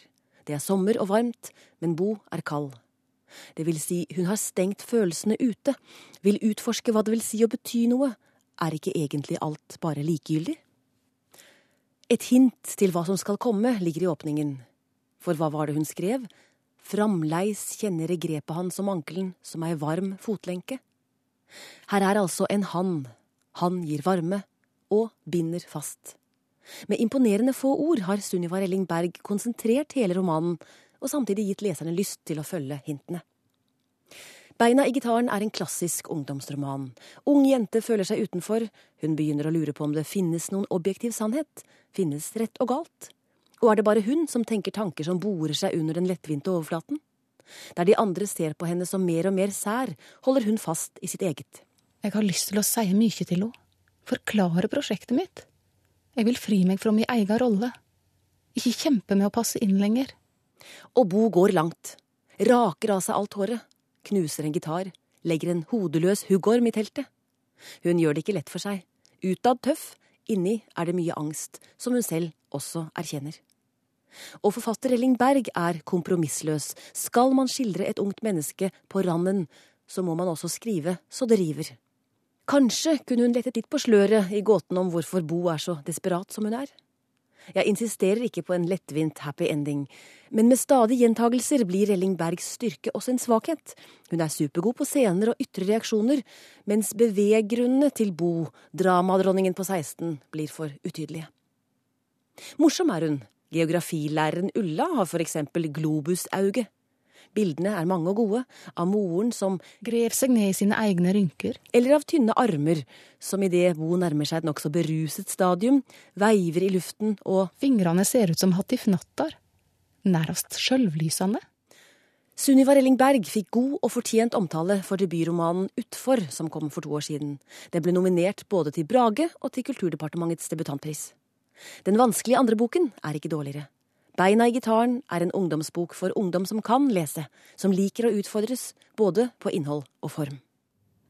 Anne Katrine Straume hadde altså lest Beina i gitaren av eh, Sunniva Relling Berg.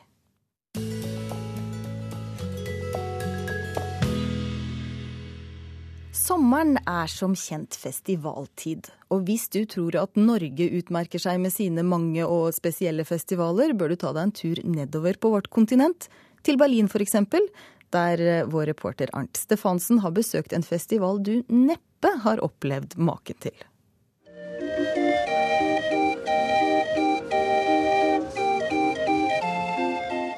Det er lyden av svunnen ungdom, et kjært sommerminne eller kanskje av tapt kjærlighet. Ryktet om lirekassens død er ikke bare sterkt overdrevet, det er direkte usant. Denne helgen har mer enn 130 lirekassespillere fra sju land vært i aksjon her i den tyske hovedstaden. Vel møtt til lirekassefestival i Berlin.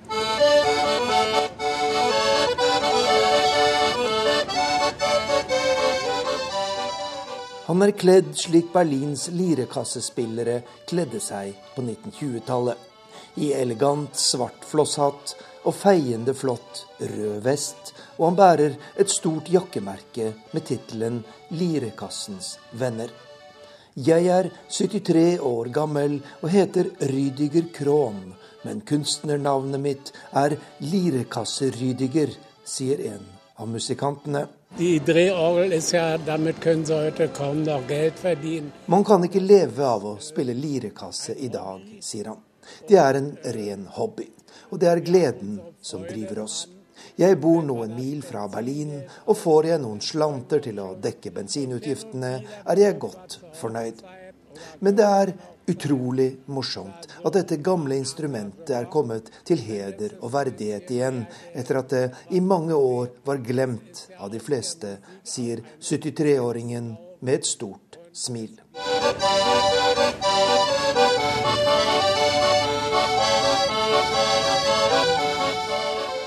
Lirekassen dukket opp på 1700-tallet, og lirekassemusikk ble viktig kultur og underholdning for vanlige folk som ikke hadde råd til å gå på konsert eller i operaen.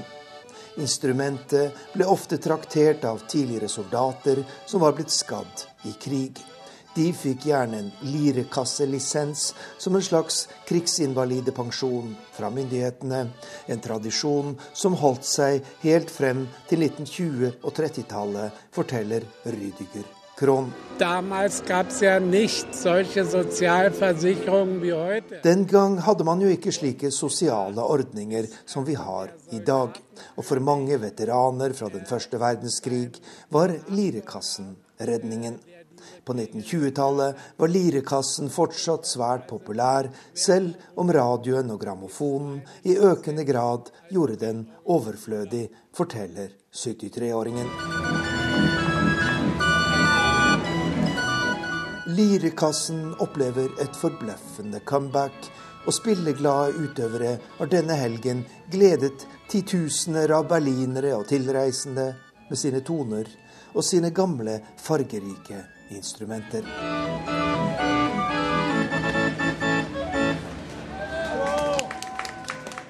Ja, det var vår reporter Arnt Stefansen som hadde vært på Lirekassefestival i Berlin. Og med det så takker Kulturnytt av eh, for denne morgenen. Produsent det har Ina Strøm vært. Tekniker er Hilde Tosterud. Og her i studio har Elisabeth Tøtte Hansen stått.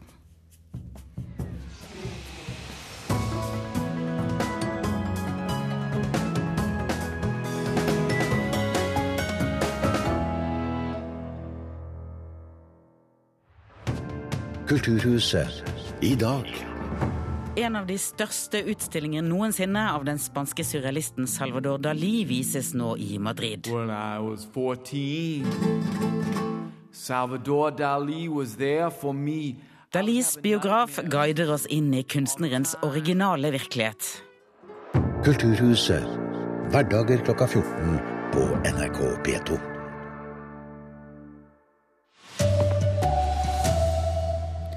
Det har vært kraftige sammenstøt i Kairo i Egypt. Flere skal være skutt og drept.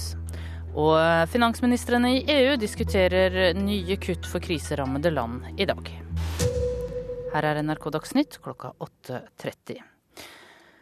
I Egypt har salafistpartiet nå trukket seg ut av regjeringsforhandlingene.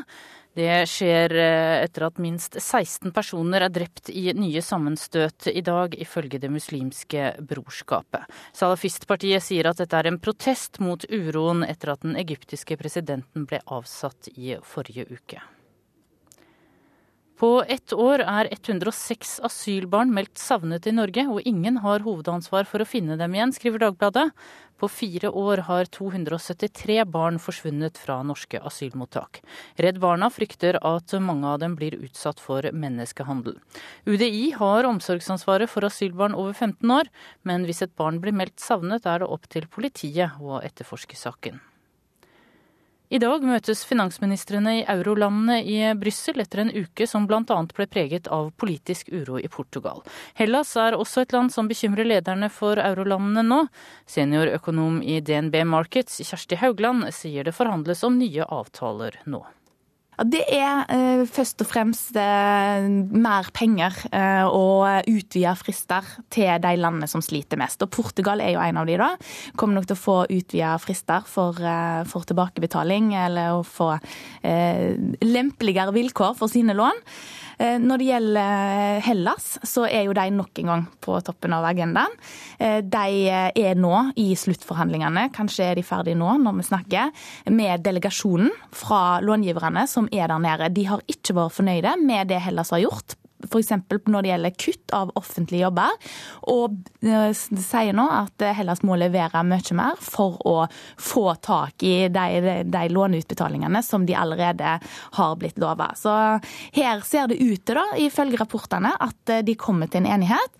Hellas skal kutte mer enn eh, tidligere anslått på offentlige jobber.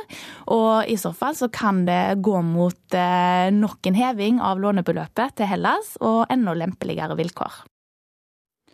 Kommuner som nedprioriterer skolehelsetjenesten, har flere alvorlige barnevernssaker enn andre. Det viser forskning fra Norsk institutt for by- og regionsforskning. I dag er det svært stor forskjell på skolehelsetjenesten fra kommune til kommune. Barn som trenger hjelp, mister motet når de gang på gang møter stengt dør hos helsesøster, sier barneombud Anne Lindboe.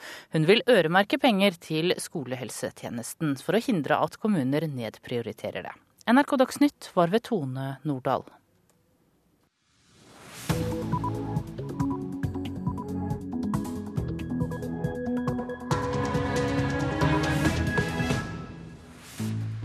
Dette er Nyhetsmorgen. Vi skal holde på frem til klokken blir ni. Bli med oss den neste halve timen og høre mer om disse hovedsakene. Flere er drept i nye kraftige sammenstøt i Egypt. Samtidig øker uroen fordi islamistiske Al-Noor-partiet trekker seg fra regjeringsforhandlingene. Samtidig så er Leger uten grenser på vei hit til oss for å fortelle om krisene som verden har en tendens til å glemme. Dessuten, kommuner med få helsesøstre har flere alvorlige barnevernssaker enn andre. Her i studio denne morgenen, Turi Grønbekk. Og vi starter i Egypt, for eh, som vi hørte i Dagsnytt, så skal Salafistpartiet nå ha trukket seg ut av regjeringsforhandlingene. Korrespondent Sigurd Falkenberg Mikkelsen, hvorfor har de trukket seg? Nei, det vi hører fra Al-Noor-partiet og gjennom da talsmannen Nader Bakker, som kommuniserer mye på Twitter og sosiale medier, er at de har trukket seg pga. Uh, de siste timenes uh, vold, uh, vold, her i Kairo. Det har jo vært forhandlinger, harde forhandlinger mellom Al-Noor-partiet og de andre koalisjonspartiene, samt hæren for å få på plass en regjering i de siste dagene. Det har vært flere Eh, forsøk, bl.a. med Mohammed El Baradei som statsminister, eh, og sist eh, nå med Siad Baha El-Din. Som virket nærmest som klar, men så trakk Al-Noor-partiet seg i siste liten. Sånn at Hvis dette bildet nå fester seg, så vil det være et eh, mer alvorlig splitte mellom islamistene på den ene siden og resten av Egypt på den andre. Hva betyr dette? Det gjør at det er eh, en enda mer flytende situasjon. Hvis det er noe Egypt ikke trenger nå, så er det eh, denne formen for politisk eh, maktvakuum. Og Det gjør jo at hæren får en større plass, og at det blir vanskeligere å få, på, få i gang en inkluderende politisk prosess, som jo partene, i hvert fall de som deltok i avsettelsen av Mohammed Morsi, sa de ønsket. Hva trenger Egypt? Uh, akkurat nå uh, så trenger de først og fremst å få uh, en stans i denne voldsspiralen. vi har sett i morgentimene at opp mot altså Tallene varierer litt, men det er en pågående situasjon i nærheten av Republikanergardens hovedkvarter, hvor flere demonstranter er drept. Hvor mange er ennå uklart. Ifølge helsemyndighetene 15 mennesker. Eh, og dette er jo en ny uh, vridning i en allerede meget spent situasjon. Så det aller første som uh, må gjøres, er å forsøke å få roet ned denne volden. Den pågående situasjonen som du nevnte, hva mer vet du om det som har skjedd i dag? Det er en pågående situasjon. Det begynte i morgentimene her i Egypt. Sånn i firetiden begynte de første meldingene å komme om da voldelige sammenstøt mellom hæren og demonstranter fra Det muslimske brorskapet. Hendelsesforløpet er foreløpig uklart. Altså om det var en fredelig demonstrasjon som ble angrepet, slik Det muslimske brorskapet hevder, eller om demonstrantene forsøkte å storme dette, denne bygningen, slik hæren hevder. Eh, men det som er sikkert er at dette er en av de aller verste voldsepisodene siden Morsi ble avsatt, og den er ikke eh, over ennå. Og Vi får også et inntrykk av at hæren er mer tydelig ute i gatene her i Kairo nå. Trafikken står stille, og vi får også rapporter om at eh, mange av broene over Nilen er blokkert av av hæren. Sigurd Falkenberg Mikkelsen fra Kairo, takk skal du ha. Det er slik at Egypt preger nyhetsbildet nå. Det har gjort i en lang periode. Vi hører også mye om krisen i Syria. Den har utviklet seg til en ren borgerkrig. Men samtidig så pågår det en rekke konflikter og kriser rundt i verden som får langt mindre oppmerksomhet. Leger uten grenser kaller dette de glemte krisene. I dag lanserer de sin liste med ti kriser som verden har glemt. Morten Rostrup, du er lege, du er feltarbeider i Leger uten grenser, og i dag så offentliggjør dere listen. Det skjer ikke før klokken ti i dag, men hva kan du fortelle om listen allerede Jeg kan fortelle at denne listen er um, absolutt interessant. Det er forskjellige typer kriser som vi kommer til å presentere. Og uh, hver krise faktisk uh, illustrerer ganske interessante poenger slik vi ser det. Både det at media ikke, ikke viser en stor interesse for det, men uh, vi ønsker også denne gangen faktisk å, å, vinkle det litt mot hvilke konsekvenser får det at media ikke skriver om disse krisene. Hvilke um, initiativ, hvilke prioriteringer gjør våre politikere? Og er det en sammenheng mellom at krisene er glemt av media? Blir de også da glemt av våre politikere? Så vi kommer til å gå litt dypere inn i konsekvensene vi ser når media glemmer disse ti krisene. De krisene som dere lister opp, har de noen fellesnevnere? Egentlig ikke annet enn at eh, dette dreier seg om noe media ikke har prioritert, eh, rett og slett. Eh, det er ulike kriser vi tar opp. Det kan være sykdomsgrupper, det kan også være konflikter i ulike land. Så mm, jeg kan si at det, er, det blir veldig interessant og, og, og veldig spennende klokken ti. Du, hvorfor, altså, Skal vi først ta et eksempel? Dere har gjort dette noen år nå. Mm. Dette er en årlig affære for Leger ja. uten grenser. Hva kan en slik glemt krise f.eks. være? Jeg kan nevne ett eksempel fra årets liste, og det er situasjonen i Tsjad. Det er et land på 12 millioner, ligger sentralt i Afrika, og har fått uh, bare seks medieomtale hittil i år. Og der er det en kronisk humanitær krise som har gått over, over flere tiår. Hvorfor blir dette glemt? Det er et godt spørsmål. Jeg tror det er forskjellige mekanismer bak dette. Det har ikke blitt prioritert av media. Det er kanskje noe media tror folk ikke er interessert i å høre om. Dette har vært en krise som har gått over lang tid. Vi har f.eks. et viktig, eh, viktig funn der er at 22 eh, av barna fødes underernærte. Det forteller veldig mye om hvordan situasjonen er. Rett og slett, Kvinnene er så underernærte at barna også blir født slik. Og Gjennomsnittlig levealder er 50 år. Det er bare 500 leger på, på 12 millioner mennesker, de fleste av dem i hovedstaden. Så det forteller at dette er en dyp krise med masse flyktninger. Og eh, Media skriver ikke om det, kanskje fordi dette er noe som har vedvart over tid. Det har ingen nyhetsinteresse. Og så er det slik at media har prioritert annet stoff kanskje en del underholdningsstoff. Eh, vi leser jo om kjendiser, vi hører om kjendiser stadig vekk. Hva synes du om medienes prioriteringer? Jeg synes at de kan bli mye bedre.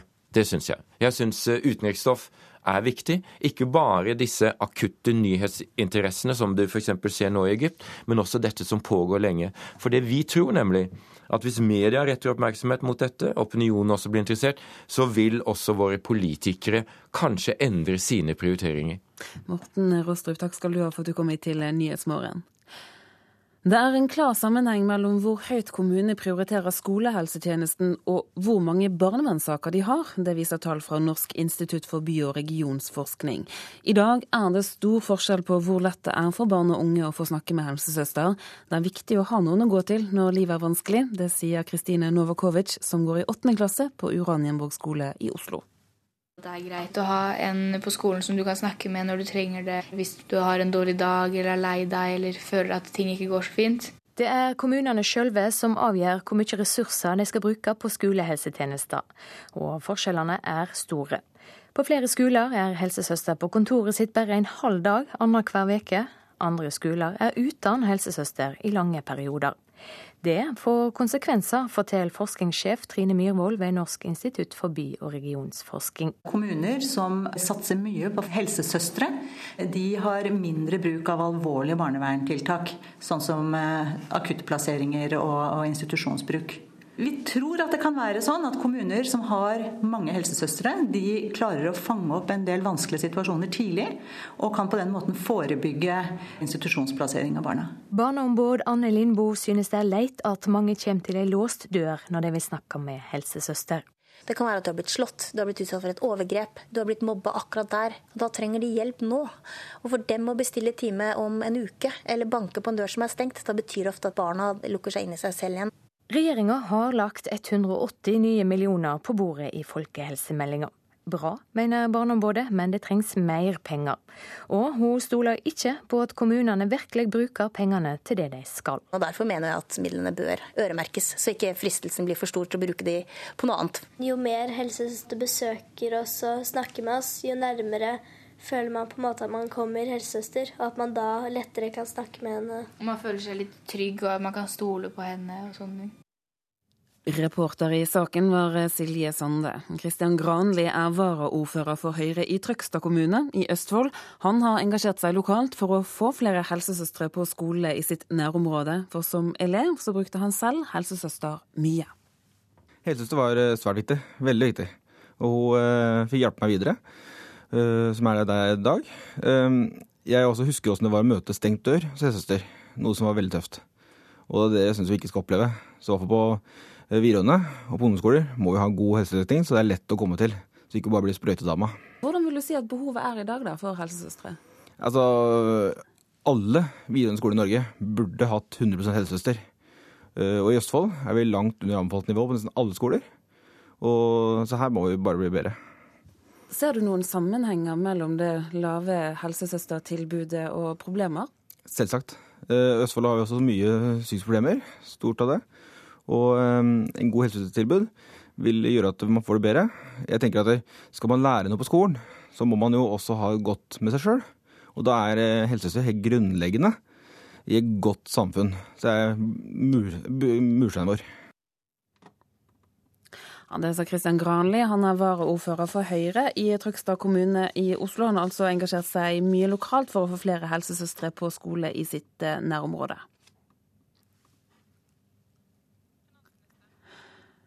I dag møtes finansministrene i eurolandet i Brussel etter en uke som bl.a. ble preget av politisk uro i Portugal.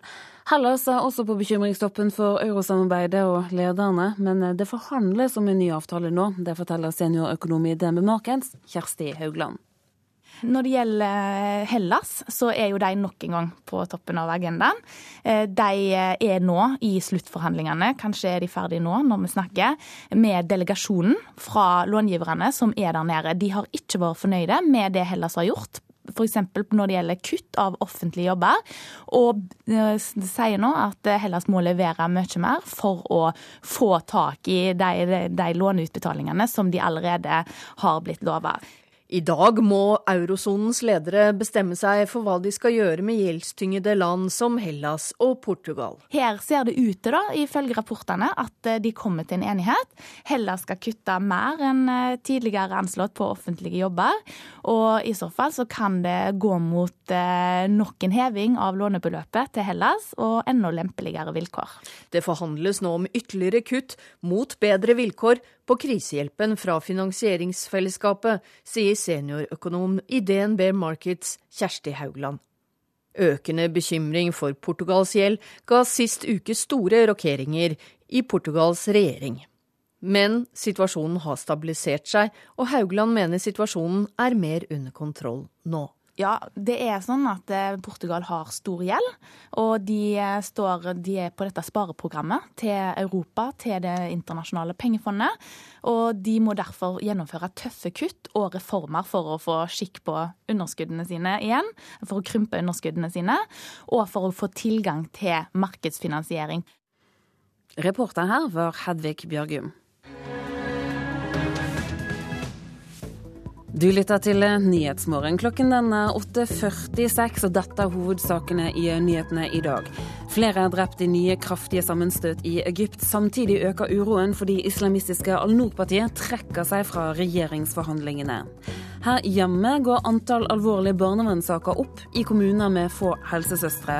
Og i Canada er det frykt for at så mange som 50 personer mistet livet i togbrannen i helgen.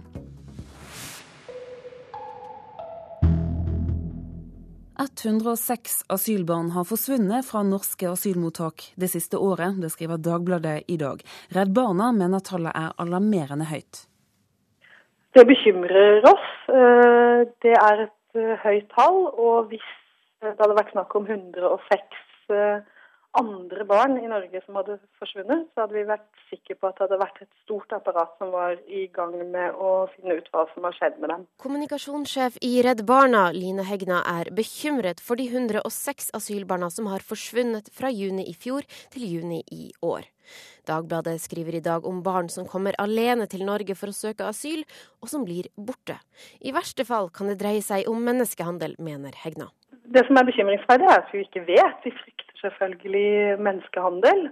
Eh, det har man indikasjoner på, men det er usikkert. Eh, og så lenge man ikke setter inn ressurser på å finne ut hva som skjer med barna, så, så er det spekulasjoner. Men man er redd for og bekymret og har indikasjoner på at det også er menneskehandel i en del av disse sakene. I fjor søkte 964 enslige mindreårige asyl i Norge, viser tall fra UDI. Det er de som har ansvar for botilbudet til asylmottakere i Norge. Og dersom et barn blir meldt savnet fra et asylmottak, så er det politiet som må etterforske det. Det er ikke alltid det fører noen vei, ifølge politiet selv, som sier til Dagbladet at det kan være vanskelig å få nok informasjon til å starte etterforsking i slike saker. Redd Barna ønsker seg mer fokus på asylbarna. Dessverre så er dette en gjentagende sak som, som vi diskuterer år etter år. Vi ber jo om at de som har eh, myndighet til å etterforske disse sakene, politiet settes i stand til og gis myndighet til å gjøre det. At de etterforsker sakene på lik linje med andre barn i Norge. Reporter var Irina Kjelle. Regjeringen sier midlertidig ja til en felles innkjøpsavtale mellom ICA Norge og Norgesgruppen. Avtalen gjør det mulig å redde arbeidsplasser, ifølge ICA Norge. Konkurransetilsynet skal i løpet av høsten ta endelig stilling til om samarbeidet mellom ICA og Norgesgruppen er konkurranseskadelig og ulovlig. Mindre bedrifter bør få tilskudd til inkludering på arbeidsplassen, selv om de ikke er med i avtalen om inkluderende arbeidsliv, mener arbeidsgiverforeningen Virke. Bare hver fjerde bedrift i Norge har en IA-avtale. Virkesjef Vibeke Hammer Madsen sier byråkratiet hindrer småbedriftene i å delta i avtalen. Målet med dette er å redusere sykefravær. Og da vil vi gjerne gi noe til alle de bedriftene som jobber iherdig med å redusere sykefraværet sitt, og ønsker seg mer graderte sykemeldinger, vel vitende om at da må de tilrettelegge, og det er krevende. Og da syns vi at alle bedriftene skulle få økonomisk bistand fra eh, staten på tilrettelegging. I Canada er det frykt for at så mange som 50 personer mistet livet i togbrannen i helgen. Flere tusen mennesker ble evakuert bort fra flammehavet, men flammene er nå slukket.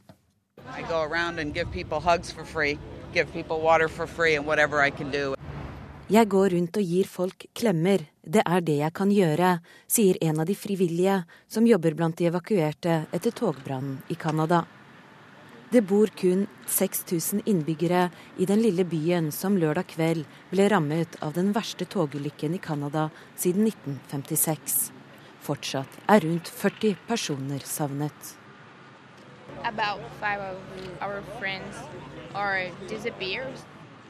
Det har tatt over ett døgn å slukke flammene etter togulykken i Quebec. Hele bykjernen i småbyen Lac Mécanique ble dekket av ild da fire tankvogner eksploderte lørdag kveld. Hver av vognene inneholdt 113 000 liter råolje. I går besøkte Canadas statsminister Stephen Harper området. Han sier det ser ut som en krigssone. People who aren't here, uh, you know, it looks like a war zone here. A, a large part of the downtown has been destroyed. It's just, it is really just terrible. There's been loss of life, as we all know, and there are still many, many people missing. Det er fortsatt uklart hvordan det førerløse toget begynte å bevege seg. Fortsatt er mange evakuert uten å vite når de kan reise hjem igjen. We are in the red zone. Uh, we are between the track when when there is fire, so we can go home. Uh, we don't know when we can go home. Reporteren var Guri Nordstrøm. Vi skal se nærmere på avisen og deres forsider. Flertallet av kreftpasienter trosser sykdommen og er i full jobb. Det skriver Bergens Tidende om undersøkelser som viser at kreftpasienter er i jobb fem år etter at de fikk diagnosen. Hovedsaken i Aftenposten handler om at uføretrygd går i arv. Barn med foreldre på uføretrygd er nemlig lettere for selv å bli uføretrygdet enn andre, viser en undersøkelse som avisen refererer til. Oslo kommer til å bli en byggeplass. Er du lei kraner, støy og stengte gater, spør Dagsavisen. I tilfelle blir fremtiden slitsom dersom du bor i hovedstaden. Dagbladet tilbyr hjelp med å handle. Spar tusener på svenskehandel, er overskriften i avisen. Mens Dagens Næringsliv skriver om en norsk utbygger som etterforskes for underslag. Det handler om ferieleiligheter i Brasil som samlet har kostet 50 millioner kroner, som kjøperne nå ikke får tilgang til. Hovedsaken i Vårt Land handler om feighet. Styrelederen i Fritt Ord langer ut mot debattanter, politikere og mot Kirken, og mener de alle er blitt for redde å, for å tråkke folk på tærne. Flere tabu folk rett og slett ikke tør å snakke om, er tema i avisen. Oslo, øh, Oslo, OL kan bli fem ganger så dyrt. Det står med store bokstaver over forsiden til Klassekampen. Det handler om forskere ved et universitet i Oxford som mener OL generelt er et av de mest finansielt risikable prosjekt som fins. Så slås det alarm i VG om norske leger. Én av fem diagnoser kan være feil, skriver avisen. Mens reglene for skoleskyss blir strengere i Sør-Trøndelag, det skriver Adresseavisen. Og det handler om barn med delt bosted som ikke lenger får drosje til skolen når den ene forelderen flytter ut av skolekretsen. Og Fotball pryger forsiden av Stavanger Aftenblad. Sandnes Ulf slo Start 3-1 i gårsdagens bunnoppgjør i Eliteserien. Trampoline er eh, ikke så farlig som man har trodd, viser en fersk studie. Selv om trampolineskader kan være alvorlige, så er det oftere bruddskader i fotball og håndball. På lekerommet i Handelshuset i Førde. Ungene står i kø for å komme seg opp på trampolina. Foreldre sitter og sier på. De har alle trampoliner hjemme. Ja, det har vi. Ja, vi har trampoline både hjemme og på hytta. Og nå er vi på besøk til besteforeldrene her i Førde, og de har òg trampoline. Ja, det har de, men de har sikkerhetsnett. Og det er det som er trikset. Sikkerhetsnett, få og jamstore unger om gangen på trampolina, og ikke minst at mamma eller pappa er der og ser på. Når disse reglene blir fulgt, har ikke foreldre i store grunn til å være bekymra. Nei, overhodet ikke. Det er mer riktig bruk som er viktig. Ikke sånn som mine bruker den, i hvert fall. Så eh, sikkerhetsnett og én og én hopper. Overlege Per Henrik Randsberg ved Akershus universitetssykehus har nettopp publisert en studie på barn og bråttskader. Det han har funnet ut, er at Det er mindre farlig enn vi trodde før vi gjorde studien vår. Men eh, vi har jo telt opp antall skader per tidsenhet. Og det er på en måte et av hovedfunnene våre, at det er færre skader enn vi trodde på trampoline i forhold til eh, mange andre barneaktiviteter som fotball og håndball f.eks. Men eh, det er likevel sånn at flere barn må opereres eller få bruddet satt på plass i narkose etter trampolineskader enn fotballskader. Så skaden er nok noe mer komplisert. Det er erfaringen på sentralsykehuset i Førde òg. Overlege Konrad Mader ved ortopedisk avdeling sier nesten hver dag barn med brudd etter å hoppe trampolina om sommeren. Hvis man får en skade hvis man detter ned fra trampolinen, det er oftest det at man får en, en brudd i albue. Og det, de er ofte ganske alvorlig brudd. Helse Førde behandler mellom 80 og 100 trampolineskader i løpet av en sommer. Kan du være så snill å vise meg ankel, at vi kan litt se på den? Mars, april Og hvis man har slik en alvorlig brudd på albue, er det en, en nesten nødoperasjon. Man skal operere det samme dag. Eh, og det trenger ressurser, og eh, det trenger en viss ekspertise. Og det, eh, som alle vet, er i Norge i sommerperioden vanskelig å holde punkt. Har du trampoliner sjøl? Ja, jeg har tre barn, og de har trampoline. Jeg var veldig skeptisk, da, for jeg begynte studien uten å ha trampoline. Men etter hvert som jeg holdt på, så tenkte jeg at nei, jeg har ikke noen grunn til å ikke gi dem trampoline. Måtte gi meg til slutt. Reporter her var Torbjørn Selseng. Her i Nyhetsmorgen så skal vi ta for oss et værvarsel som gjelder frem til midnatt. Og vi starter med Langfjellet, for da blir det for det meste pent vær. Fjellet i Sør-Norge utenom Langfjella utrygt for litt regn av og til i nordlige strøk, men ellers oppholdsvær og perioder med sol. Østlandet får stort sett pent vær, men eh, det blir perioder med noe mer skyer, særlig nord for eh, Mjøsa. Vest-Agder, Aust-Agder og Telemark. På kysten vest for Lindesnes nordvestlig periodevis liten kuling og stort sett pent vær. Rogaland det blir liten kuling sør for Obrestad og pent vær. Hordaland blir det oppholdsvær og til dels pent vær. I kveld sørlig bris og tilskyende. Vi beveger oss til Sogn og Fjordane, som kan vente seg stort sett oppholdsvær i dag. I kveld sørlig frisk bris. Det blir sørvest stiv kuling ved Stad, og etter hvert så kommer regnet. Møre og Romsdal der eh, kan man vente seg oppholdsvær i ettermiddag. Så vest liten kuling, sterk kuling i kveld. Og da blir det også regn vesentlig i ytre strøk. Trøndelag, blir det litt regn av og til. I kveld sørvest stiv kuling og regn. Helgeland og Saltfjellet. Der kan, blir det enkelte regnbyger eh, utover dagen. I dag, i kveld, så blir det sørlig stiv kuling og regn. Salten, Ofoten, Lofoten og Vesterålen vestlig sterk kuling. I ettermiddag minking til sørvest frisk bris og regnbyger. Troms og Finnmark vestlig liten kuling. Periodevis sterk kuling utsatte steder i vest og regnbyger. Nordensjøland på Spitsbergen der blir det skiftende bris. I kveld nordvestlig frisk bris i vest. Det blir litt regn av og til, og en del tåkeskyer. Så er det temperaturene, da. De er målt klokken sju i dag og viser at Svalbard lufthavn hadde åtte grader. Kirkenes 14, Vardø 11, Alta 14 grader. Tromsø 9, Bodø hadde 10 grader, det var det også i Brønnøysund. Trondheim 12 grader, da hadde også Molde. Bergen 10 grader klokken sju i dag, Stavanger hadde 12 grader. Kristiansand 11 grader, Gardermoen 13. Lillehammer der var det 11 grader. Røros 8 og Oslo-Blindern 14 grader. Temperaturene er altså målt klokken 7. Nyhetsmorgen i dag har eh, ansvarlig for det har eh, ansvaret for dem har Rolf Johansen hatt. Produsent for Nyhetsmorgen Eli Bjelland. Det tekniske ansvaret har Hilde Tosterud, og her i studio Turi Grønbekk.